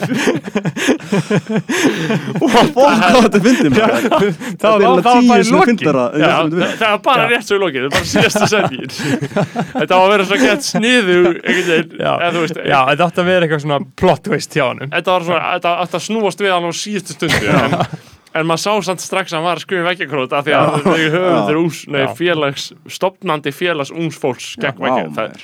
ég, ætla ekki að- ég ætla ekki að taka því að það sé til sko. þetta hlýtur að vera það er ekki verið að poppa upp fyrirtæk að skrá sko það er bara ekki séns. Uh, Sýk hvað þetta fyndið maður. Já, ég, ég bara, já, þú veist, það, það kemur ekkert upp á Google, hann, hann það er eins og samfélagsmeir, nei, ok, þetta er höfundur, hans hefur skrifað aðra svona grein, uh, 30. Oh my god, já, hann skrifaði, já, hann hefur skrifað aðra svona greinar, sko, það sem að síðasti punkturinn er alltaf bara veist, það það greinin alltaf um eitthvað annað. Nei, er að gera þetta format við eitthvað annað líka. Já, 31. mæ sko uh, 2020 þá er þetta eitthvað allt annað sko. Já, það er bara, það er eiginlega ekki hægt að skilja um hvað svo grein er sko. Ég, ég elskar svoleiðis og skoðan að það sem að skilur heila geta um hvað greinin er. Hvað er verið að segja þetta þetta þetta er bara eitthvað svona jargon. Vá, fyndi maður og, og þessi Ef gaur ef þessi gaur er að fokast þá er Já. það legendary, ef hann er ekki að fokast líka legendary, Já. þetta er bara legendary skilur höfundur, nei, félag ungs fólks Já. gegn vekkjakrúti, þetta er Ef þetta er grín, þá er þetta eitthvað deep layered, mjög fyndi grín sko Já, bara- og, og ógeðslega vandað sko. Ógeðslega Já. vandað sko Já, Ógeðslega skrítið líka Já, en svona ef maður fær tímalínu upp í þetta þá er þetta sko 31. mæ, þá skrifar hann síðustu grein sem er, mm. þessast fyrstu greinina held ég, sem er sko samfélagsmein, það er yfirskriftin sko, hinn yfirskriftin er takmarkanir Mhm. uh, og þá er sko höfundur stopnandi nýstopnaðs félags ungsfólks, þannig að þetta var stopnað í mæ 2020, getur Ok, við gert ok. ráð fyrir komið svo koppin sko keira þetta fram Já, þetta er alveg sko, á Íslandi í dag virðast vera virðist vera að slíkir óþokkar fá að ganga frjálsir um götur, bæja og borga og vannvirði Mhm. veraldlega muni fólks með fyrirlítlir í yðjú sinni þetta er heldur gott hjá hann við skrifa það sko er hvað svo hann varðverði hluti fólks með fyrir lítlir yðju sinni Já, sko, vannvirði verallega muni fólks með fyrir lítleri yðjusinni. Já. Þetta gera þau alveg óáreitt. Þegar ég var ungur snáði var með kent að glæpir borga sig ekki. þetta er alltaf gott, sko. Uh, þetta er mjög, þetta er góð uppgötun, sko. Já. Uh, það er Brynjar Jóhansson, formaður félags ungs fólks gegn, ég væri til í svona viðtal við hann á Rás 1 eða svona í morgun útvarpinu eða eitthvað. Brynjar, þú ert sestur hann að okkur. Þetta verður bara að fá hann í skoðanabræðir sko Já, ég held að það sé ekki til, sko. Ég held að það eitthvað algjört grín, sko. Þetta hlýtur að vera það, sko. En þú veist, afsakið mig, afsakið mig, þetta er bjórun, maður. Maggi, þetta er bjórun. Uh, en þetta er gott, já, vekkjakróti, þetta er svona uh, greinilega ekki að öllum að skapi, ekki, Nei. ekki borgarstjættin að skapi, fyrirlitlega yðja, það sem er verið að vannverða verulega muni, er það náttúrulega, þetta er psycho, þú veist, það er psycho að vera bara, bara að graffa yfir eitthvað sem einhver á, sko. það er geggjað sko. Já, ég get dæmi, sko. Hvernig voru þið, þið voru bestaðir? Ég tráði smá með details með það. Hvernig var það, var það ekki bara einhver kennar sem kom bara og tók í ykkur fysikli Nei, og bara hindi ykkur, hvernig virkaði þetta? Þetta, var á Vesturbæðaskóla og við hlöpum upp Bræðraborgastígin uh, og vorum held í teknir á hotni Bræðraborgastígs og Holtskötu af húsverðinum, hann kom á bíl á eftir okkur. Og þetta var sko, þú veist, já við vorum bara, við byrjum bara að graffa, við fórum bara miðan dag bara klón 2-3, Já. bara myrkum degi um sumar þú veist, í by- sumarbyrjun held ég og bara byrjum bara að bomba á veggin á svona steinvegg þú veist, sem er alveg fokkið mikið vesen að þetta af, sko, Já, þetta er ekki bara eitthvað steipa Þetta var alveg, þetta var böffan og þið náðu þess ekkert burt Nei, alveg í nei. Og svo- svo- þrjú, fjör ár svaka sekt held ég sem mamma og pappi fengu, sko bara við að þurfa að borga þetta, sko Þannig að byrjum bara að bomba og bara miðan dag og þú veist þau bara sá okkur strax, bara alveg um leið bara meðfæra, bara áður en við byrjum þá voru þau að horfa á okkur, skilur og bara strákar, hvað er að gera, bara, þú veist og við bara, Já. fokk, ok, hlaupum bara Já. og, þú veist, why not? Mhm. og síðan náðu þau okkur og mér, ég, minn, mér minnir að ég hef upplifað mikla skömm. Já, já, ég man já, það ekki alveg. Já, þetta var þannig, þetta var Hjörvar húsverður sem var að koma eftir okkur á bílinu sínum sko. já, og svo fóru settir niður í skóla það sem hún skammaði Já, þér og þá kom mamma og pappi á fund þarna sko, að því að þú veist, ég var að fatta þetta var árið 2003 já, þannig að ég hef verið 8 ára og þú 6 ára. Þú veist, maður sem ég ekki nógu gammal til að fá að vera úti. Já, já, já, Nei, við vorum rosalega ungir. Já. já. bara, svona, bara alvöru smáböld já. Þannig að það er svolítið skrítið að uh, mann hafi dottið í hug Logi var með okkur eða ekki Jú, þannig Logi vinnu minn, einmitt, einmitt. Já. Já. við vorum þrýr sem gerði þetta sko Nei, nei, já, en, en sko, þú veist, böstuð var náttúrulega, ég var náttúrulega líka verið böstuð að stela svona, þetta er mikil skömm sem fylgir. Já. voru, voru þið eitthvað böstuðar hérna á sín tíma? eða? Já, eitthvað svona smáttir sko, ekkert eitthvað svona ekkert eitthvað hardcore sko Nei. Nei. en veistu um eitthvað svona hardcore böst eða? Þú veist, voru einhvern mann eitthvað hardcore böst Nei, ég held allavega til sínum tíma þá vissur ekki alveg hvernig að díla við þetta sko. Mhm. Ég man að koma eitthvað rúslega myndir til, til frétt og rúf. Það var einhvern veginn á YouTube, það var svona kringu 2003 Mhm. kom eitthvað svona einhver einhver hollensk lögga þetta sem ætti að kenna íslensku löggunni hvernig grafiti virkar. Og það var í algjörð rugg sko. Og kom eitthvað, kom var bara frétt og rúf sem var bara hollensk lögga þessi gaur, hann vil meina að þetta sé að grafiti og tökk eru þannig sé kód fyrir hvað þú keft eitulif einmitt. Bara eitthvað algjör rugg og þetta var alveg smá tíma sem að þú veist eitthvað svona eldra fólk fór já, já, þetta er nú bara eitthvað kód fyrir eitulif eitthvað, eitthvað svona eitthvað. Já. það er rugl.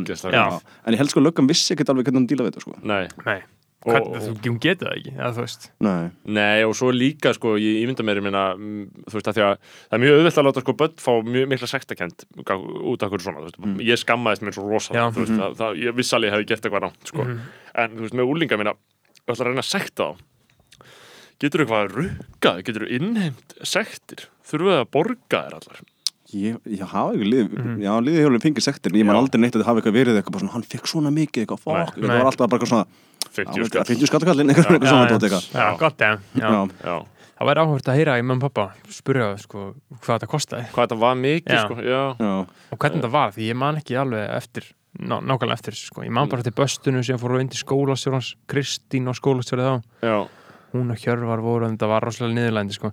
en síðan var ég fullkomlega uh, ég, graf, ég takkaði síðasta sinn sko, á uh, sófa í frostaskjóli félagsmiðstöðinni. og takkaði á sófan og var bara sa- saman kvöld. Og var bara niðurlæður. Mhm. var bara spurðið bara hvað ert að gera? Af hverju gerðir þetta? Hvernig dattir í huga að gera þetta? Og ég bara, þú veist, bara fór að gráta skilur, já. og, bara, og, og, og gerði þetta ekki einu sinni aftur á aðeins Nei, nei, þetta var í áttundabæk að sökkur og skammaður sko. Já. Sam, samfélagsmein, þetta er samfélagsmein, Einmitt, sko, en Maggi, þú talaði ráðan sko, um að graffarandi fari í LHI þú fórst, þú fórst í LHI Aha. og ég meina, hvernig það, hvernig er stemmingin, hvernig er skólinn Það var bara gaman sko. Hérna, ekki, ertu ekki að kenna eitthvað? Jú, ég er að kenna núna, jú. Já, Það er líka annar COVID-skellu sko, bara allt komið Teams sko, það er bara Já. og ég bara stað, Það er þarna, er ógæslega erfitt sko. Þarna, eins og við vorum í dag bara við Það er yfirferð á morgun sko, byrjum allir að kynna lokaverkefni sitt. Mhm. Svo í dag, vanlega væri þetta núna bara, væri bara upp í skóla, bara tala við liðið frá milli og spjalla hvernig það kom út sko. Sem er algjört væp, bara, sem er bara ógæslega gaman sko, Já. þetta er bara geggjaður hópur og bara gera kúldót og þetta er bara mjög gefandi og bara skemmtilegt sko. Og þannig að en í dag voru þetta skilur 20 tímindna videokalls ógíslegt, og það bara, þú veist, ég legg mig aldrei á daginn ég sko rótaðist eftir þetta sko. Bara, Já. bara, áðan, þetta er bara, bara exhausted. Já. og morgun erum við að fara að taka og ég fekk hérna Raka Braga leikstur að koma í yfirferðin að vera svona, svona, hálfur pródómari sko, bara mm algjör stemming sko. Sá bara að sjá fyrir mér svona, bjóri hátteginu og svona eðstundum mér yfirferðin og svona allir nettir og skjávarpa og spila þetta og spjalla og stemming. Nei, nei, staðin er þetta bara eitthvað 20 lítil andlit skilur við eitthvað og eitthvað stríma er eitthvað Já, allir með mjúta mæk það er eitthvað algjört bast sko. En þau eru svo, svo já. Já, Hvað, hvað ertu að kenna? Hvað áfram að gera þetta? uh, Þetta er svona einhverja vídeo svona einhver hlið af einhverjum svona smá þetta er mjög skrítið kurs sko, einhverjum svona hálfgjörnum research kurs og, og, og er þín upplifun að fólk sé bara frjótt og ferskt og bara að gera Já, þetta er, þetta er cool sko þetta er svona, þetta er ekki þetta er ekki að prófita þetta sem svona kvímyndi gera fólk, Nei. eða sumi gera það sko en þeir eru komið svona, animations og þetta er svona meira snýst um eitthvað hugmyndaferlið og flóið fyrir eitthvað en eitthvað svona, eitthvað, eitthvað glæmur kvímyndi gera sko. Ve veistu eitthvað um það þá tóstöritu sem er á milli kvikmyndaskólans og LHI núna með þessar deildir Þetta er komið í allar núna sko. Þetta er komið í LHI núna, sem er bara kvikmyndafræði. Mm Nei, ekki kvikmyndafræði, þetta er kvikmyndagerð. já, já, já. Uh, og kvikmyndaskólinn er mættalega brálegaður yfir þessu. Mhm, jú, jú. Já, bara yfir því að það sé verða svolítið að fara inn á þeirra. Já, já, já. Já. Og Það, þetta er fakt að gerast en þetta er ekki haust. Er þetta ekki búið að gerast? eða hvað? Ég held að sé búið bara svona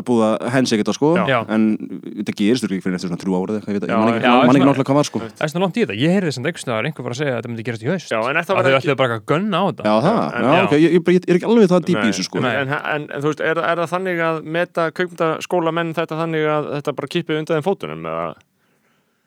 Já, ég, ég veit, ég bara, ég, ég, ég, ég er ekki alveg nóg dýp í þessu sko en Nei, einu sem veit að flest allir kvimningar menn eru bara rosa pró að hafa þetta í listaháskólum sko Já, Já. já, er það ekki?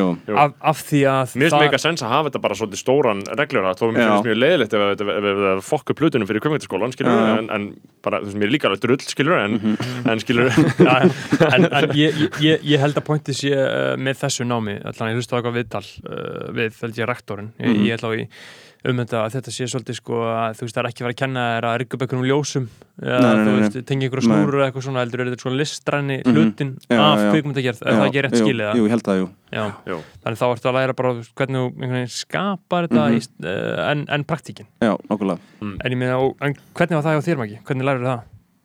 uh, Sko, ég er að kemur meira í þetta svona, eh, svona artistik, svona conceptual hlutin frekar en eitthvað eitthvað tækning hlutin, sko. Þannig að það var svona einhvern veginn þegar ég var að byrja í þessu, það var svona svona byrju smá svona einhver lenska að vera svona gauðra fyrir að verða svona, svona allt múli gauðra bara svona Swiss Army Knife, bara ég bara, ég skýt, klipp, ég er brellur, greita, ég ger allt leikstir, ég bara svona, eitthvað, svona þannig velminni, sko. Mhm. og allir konum, nú léttir að fá einhverjum vélar sem voru svona einhvern veginn svona, svona, skiljanlegri, já, skiljanlegri, já, já. bara út af því þú veist, það er ekki það langt síðan bara kvikmyndagerð var bara eitthvað svona eitthvað voodoo magic skilju, það var ekki eitthvað aðgengilegt fyrir hvern sem er að að gera eitthvað þetta var sko. bara- það þurfti bara 12 manns til að gera það sama og einn smá, gert já, það. og bara þegar bara fyrir 20 árum síðan, eða minna þú veist, þegar var klárað að skjóta eitthvað flott landsmák auðlýsingu, þá var bara svona bara, ok, bara rap, og þá bara var Gaur beint með kefluguvöll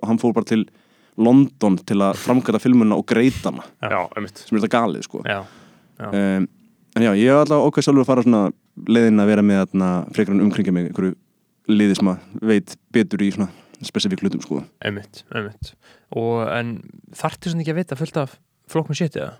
Jú, jú, en samt ekki, sko. Nei, Nei. Nei, sleppur. En, en ég fíla svolítið pælinguna sko að því að þú veist, þetta er svo, það er alltaf verið að tala með svona peningadæmi skilur, ég fíla svolítið pælinguna þegar fólk getur gert allt sko, ég verði til að ráða þannig gaur. Já, en þá kemst það bara ákveðið langt, sko. Það verður kannski, þú veist, já, viltu ráða Gaur sem er bara mjög jókur í öllu? Já, það er náttúrulega líka Já. sko, það maður endar svolítið með það í höndunum Já. jú, yfirleitt ekki að vera góður öllu og uh, hve- hve- hvernig er staðin í bransan núna við viljum alltaf meiri fagmenn sko, veit, eða þú ekki sér ekkert bíómynd sem einhver gaur er að leikstýra og og skjóta sjálfur sko. Nei, nei. það er bara, en það sé löglýsing kannski sem er þannig sko. Uh, einmitt.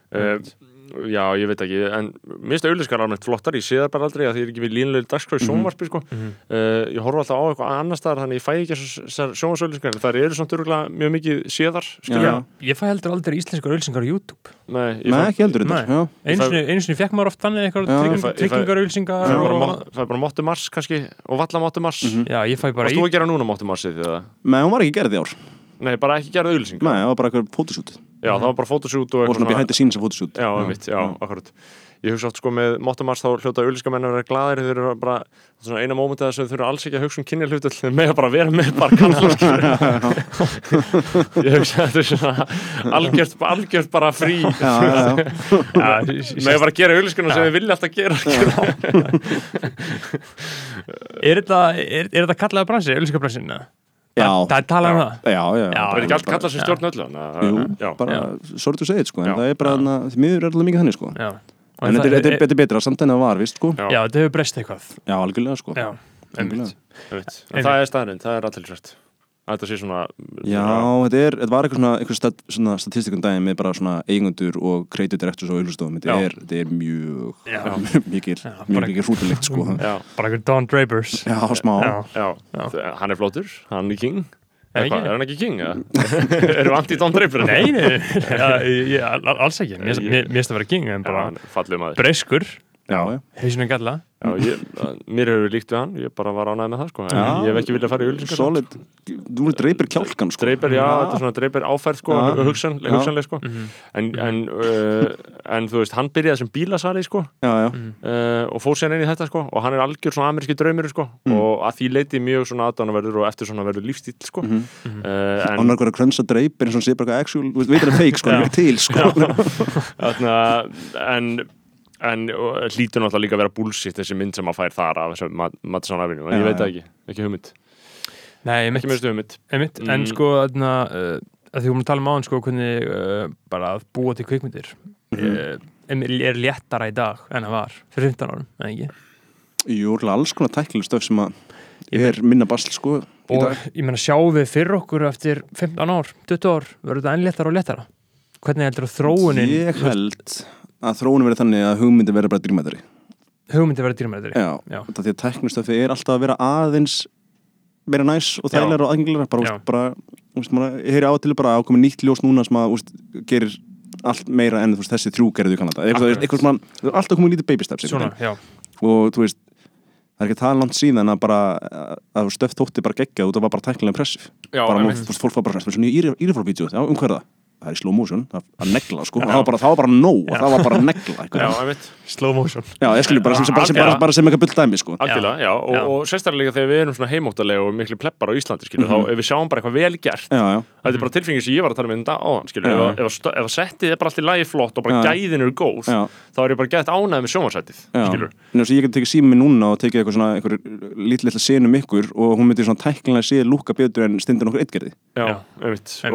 og þetta er líka sjónamið í til dæmis bara frétta, frétta fréttum sem er bara myndbransi sem er líka bara, þú veist, þar er þú veist, myndband, skilur, þú getur tekið myndband Mm.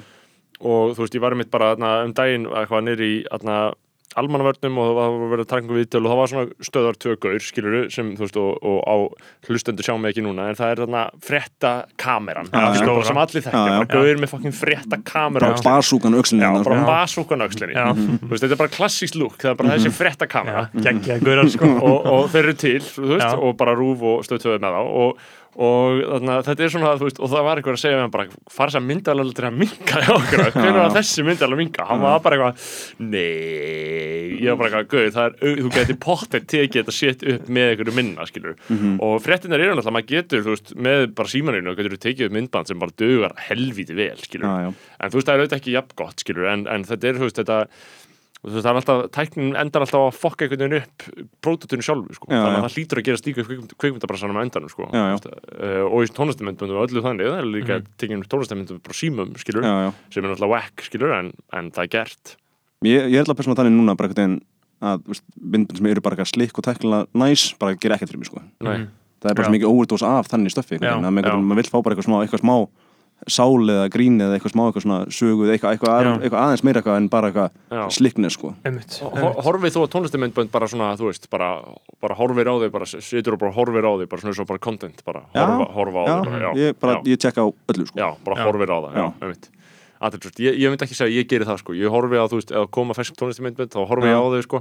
En svona sem hinn almenni neytandi sem ég myndi ætla að ég væri í þessum efnum sko. Já, já. þú veist, sem er kannski aðtælisvært fyrir þig að heyra sem framleiðandi þessa efni sko, ég veit ekki hvort að fólk þannig að fólk horfir ekki almennt bara á Á MT, eins og MTV var skilur eða jú, það er kannski Meina, ha, hva, hva, hvað meinur þau? ég er bara að tala um að horfa, bara sitja og horfa á tónlistamindbund Já, skilur bara. Ha, gerir fólk það ekki? nei, ég held að þið séu sérstaklega með það sko er, það um að ítir og playa myndband og lappa sér í burt? nei, ég horfa alveg á það en ég er að tala um, ég horfi ekki á mikið á nei. almennt Já, er það tala um að gera því sérferð nú til að setjast Ég niður horfa bara alveg á YouTube. myndbandið, Já, ég, er að um, ég horfa alveg að ég kemur með myndband frá Magga Leifs þá horfi ég á það og kannski oftar en einu sinni uh, en þú veist, ég stunda það ekki það er kannski að Já. skjá við sko. Já, þú leitaði ekki uppi. En eru þið ekki á ekki segja svona það. Pop TV kynnslunni, voru þið ekkert í galanda að bara fara bara og Jú. kveika Pop TV og leta bara malla og voru bara Jú, bara að endalast að Já. sko. Ég myndi segja það, það var, bara, Við- það, það var ekkit annað í sjónvarpinu. Þannig að þetta var bara í gangi. Já, við erum svona svolítið síðasta kynslaðun Já, sem að uh, gera það sko. Það mannst ekki, þetta var alltaf í gangi. Já, það var alltaf að horfa þetta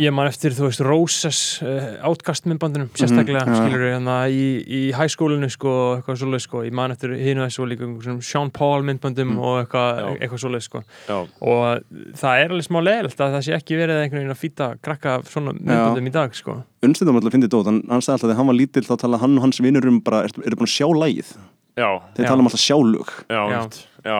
það er ógislega fyndið sko. Það, er, það er bara annað listform sko. Já, já. en ég minn það er hann í dag, það kemur ekki uh, alvöru eitthvað major label bandarís lag út án þessi myndband, Nei. Það er rosalega En nú er þetta að tala um þetta TikTok dæmi sko, að það sé alltaf verið að gera ef þið sjáðu líka top 50 á Spotify það er alltaf lög sem eru frá TikTok. Þú veist, að því maður er stundum, þú veist, ef þú ert á top 50 Spotify Global, Já, þá, reykum maður upp stö, stóra augustundum, bara hvað fokkanum er þetta? Já. Ég er alltaf, þú veist, ég er alltaf bara hvað fokkanum er þetta? Sem er þetta bara allir bara, fimm lög sem bara í top 10 og maður er bara, ég veit ekki hugfokkin hugmynd um hvað, hvað í fokkanum er í gangi og hvað lög þetta eru og akkur þið eru sko. Og er þetta bara random kæft að sem enda sem eitthvað grín það er alltaf eitthvað á. TikTok þetta er alltaf bara TikTok stýrið núna hvað Já. er á top 50 Spotify af því að þú veist, það er einhverju kaplar í læginu sem eru bara TikTok vænir Mhm. þú veist, í 25 sekundur og þá detta er inn þar, verða Mhm. hjúts á TikTok og þar með á Spotify. Já, og ég meina sturlu þróun sko. Já, og þetta er líka svona uh, bara á, á, á Íslandi sko. Já, alls konar einhver svona skrítin dóti sem að þú veist, maður, maður skilur ekkert hvað er ef maður er ekki inn í þessum og, og svo, svo er ég með einhverju yngra fólki það er eitthvað, já, þetta er ógæslega stórt á TikTok Já. Þú veist, ef maður er eitthvað, já, þetta er það er allir með þetta TikTok eins og bara eitthvað lag með Tiesto núna og eitthvað Wellerman Sea Shanty Sea Shanties Já, það, það, er, það er svona fyndið Já, ég hef bara gett alveg sett mig inn í bara TikTok sem við bara, er, er, er þið þarna? Nei, ég er ekki hana ég er ekki hana Er grown ass fólk bara á TikTok eða? Í, nei en jú, Jú. það er þú veist, það er grónas fólk sem er Mhm. á TikTok en það er almennt ekki á TikTok við erum, Nei. þú veist, mínu jafnaldar eru ekki á TikTok, sko, veist, 97 98, 99, þau, þau eru ekki almennt á TikTok, þú, en þú ert undartekningin en 0, 0, 0, 1 þar upp, eða svo 0, 1 og Mhm. yngra, Já. alla TikTok.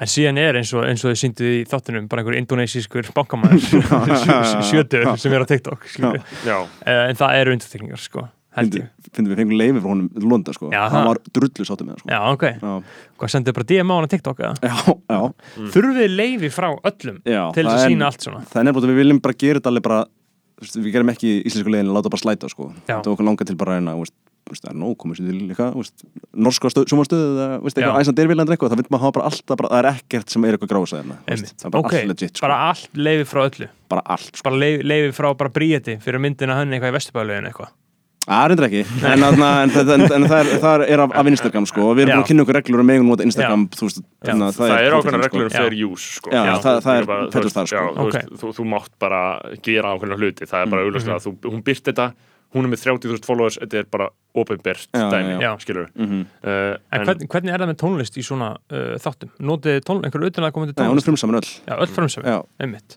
Einmitt, mér finnst ok óþólandi mér finnst réttindamál óþólandi Já, þetta er Mér rosa flókið stöf sko óþólandi Já. og ég Já. skil þau ekki og ég nenni ekki að skilja þau mér langar bara Já. að fá að nota allt Já. bara finnst þetta óþólandi sko. Við lendum í úksla pyrrandi dóti sko, við ætlum að sína frá kynningunni á bara iPhone bara Steve Jobs, eitthvað, it's called the iPhone Já. og allir eitthvað, aaa, bara trillast eitthvað inn Mhm. og bara Apple voru bara.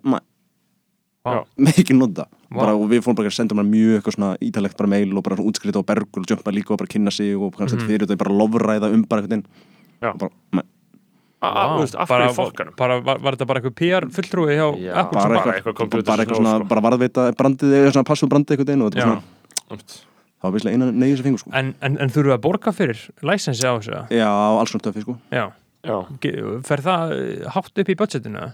Já, sumt var alveg lúmst lúmst pyrrandi dýrt sko. Alveg, og sumt óskum þurftum að beila á að þetta var of Já, dýrt og, en, Já, en og síðan þetta finnst með svo leiðilegt. Já, en síðan bara mikið stöfið viljum bara rúf líka og Já. er bara svona rúfur ókipis, ekki? Jú, Nei, það kostar sko. Ok, og þetta var að borga rúf. Já, ok, það er svo just, just kæftaði það. Ef það er það að borga sko þá ertu ekki. yfirleitt að borga ekki rúf heldur þeim sem eiga höfundarétt hjá á þessu Já, hjá rúf ok. einhvern veginn skilur Heldur það sé þannig? Ég held að sé nefnilega þannig sko. En Ég held að ok, rúf ok. myndi ekki rukka fólk fyrir þetta En á, á einhver höfundarétt af bara eitthvað frétta, frétta Já, ekki, já, það er höfundaréttur, persónlegur höfundaréttur þó að þetta sé hjá rúf sko. Þú veist, þannig að þá ertu held ég líklega miklu frekar að borga fjölmjölamannunum en, en hinu sko. En síðan er líka bara bastferðlið þá þarf bara dútin á safninu bara finna spóluna og veist, að- góðum gæðum aftur úr rippinu og senda okkur Af því að ef þú hugsaður út í það, þú veist, eitthvað efni sem þú myndir framlega fyrir rúf núna, þó að verður bara viðtalsáttur, þú verður bara framlega sem verktæki fyrir rúf, þú verður auðvitað höfundur að þau ættir höfundaréttin þó að þau síndu þetta, Já, sko. já, Þú veist, þannig að þá ætti peningurinn að fara til þín, skilu, þó að sé fyrir 50 árum, ég held að sé bara sama dýnamík, sko, myndi ég halda.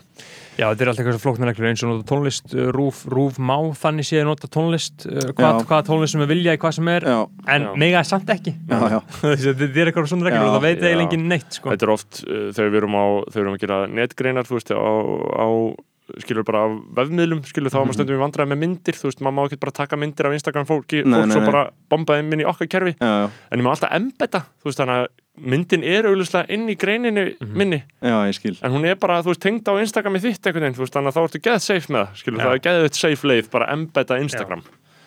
En það er mjög solid, þannig að þegar þið sjáu það í greinu, þá er það oft bara fólk að bjarga sér.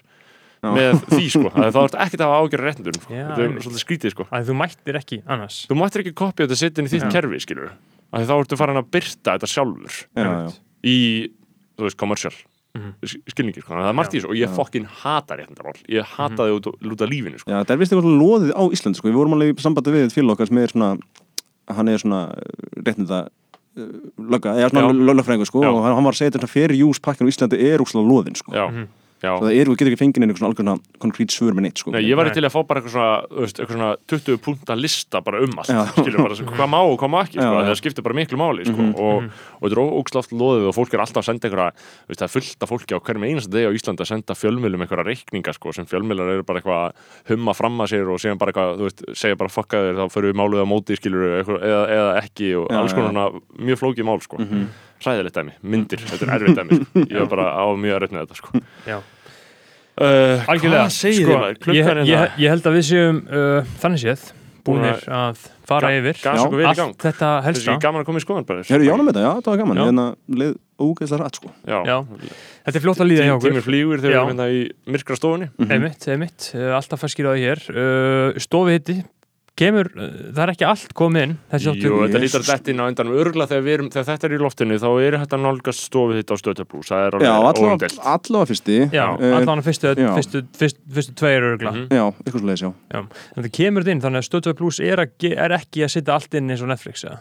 ég er bara svo sloppið sko, ég bara Já. veit það ekki sko, þannig að þetta er alltaf fyrsti, ég held, ég held, að sé bara fyrsti núna sko. Já, já, og síðan kemur þetta setna líka á bara stöðu tvö bara menlu, já, uh, held ég Bara já, bara í já, program ok, sko, og síðan sínt bara prógrami í sumar já, já, Já, í, í, í sjónvarpinu já, já, já, alveg báðu sko. Já, Já. einmitt. Ég, ég er svolítið bara treyst þessu fólki til þess að vita hvað það er að gera. Já, algjörlega, þau eru okkur, okkur góðu svona stemmingu með þetta stöðu plus sko, ég ég, finnst sko. bara, já, mér finnst það góðu tíma framöndan það, er bara að laga sig að hlutunum þetta er bara Algjörlega. þetta er ekki trun, þetta er bara aðlugun Já, og fólk, fólk það bara kannski að venja sig á að, ég veit ekki, það fyrir right thing to do? eða? Já, Jú, og þetta er bara ákveðin stuðningur í, við fjölmiðlun, skilur, fjögur skalla mánu þetta er ekki Já. fangir raskat og færfullt ekki fyrir peningin, sko skilur Nei, uh, og þetta er náttúrulega leið til að fylgjast með samfélaginu Mhm. uh, Þetta er það, herru, þannig að Maggi, takk, kærlega fyrir konu, um takk fyrir mig þetta var veisla. mjög ánægilegt að, að uh, hafa þetta hjá okkur og við byggjum Guð að blessa ykkur kæri hlustundur, ekki Já, satt? svo sannlega.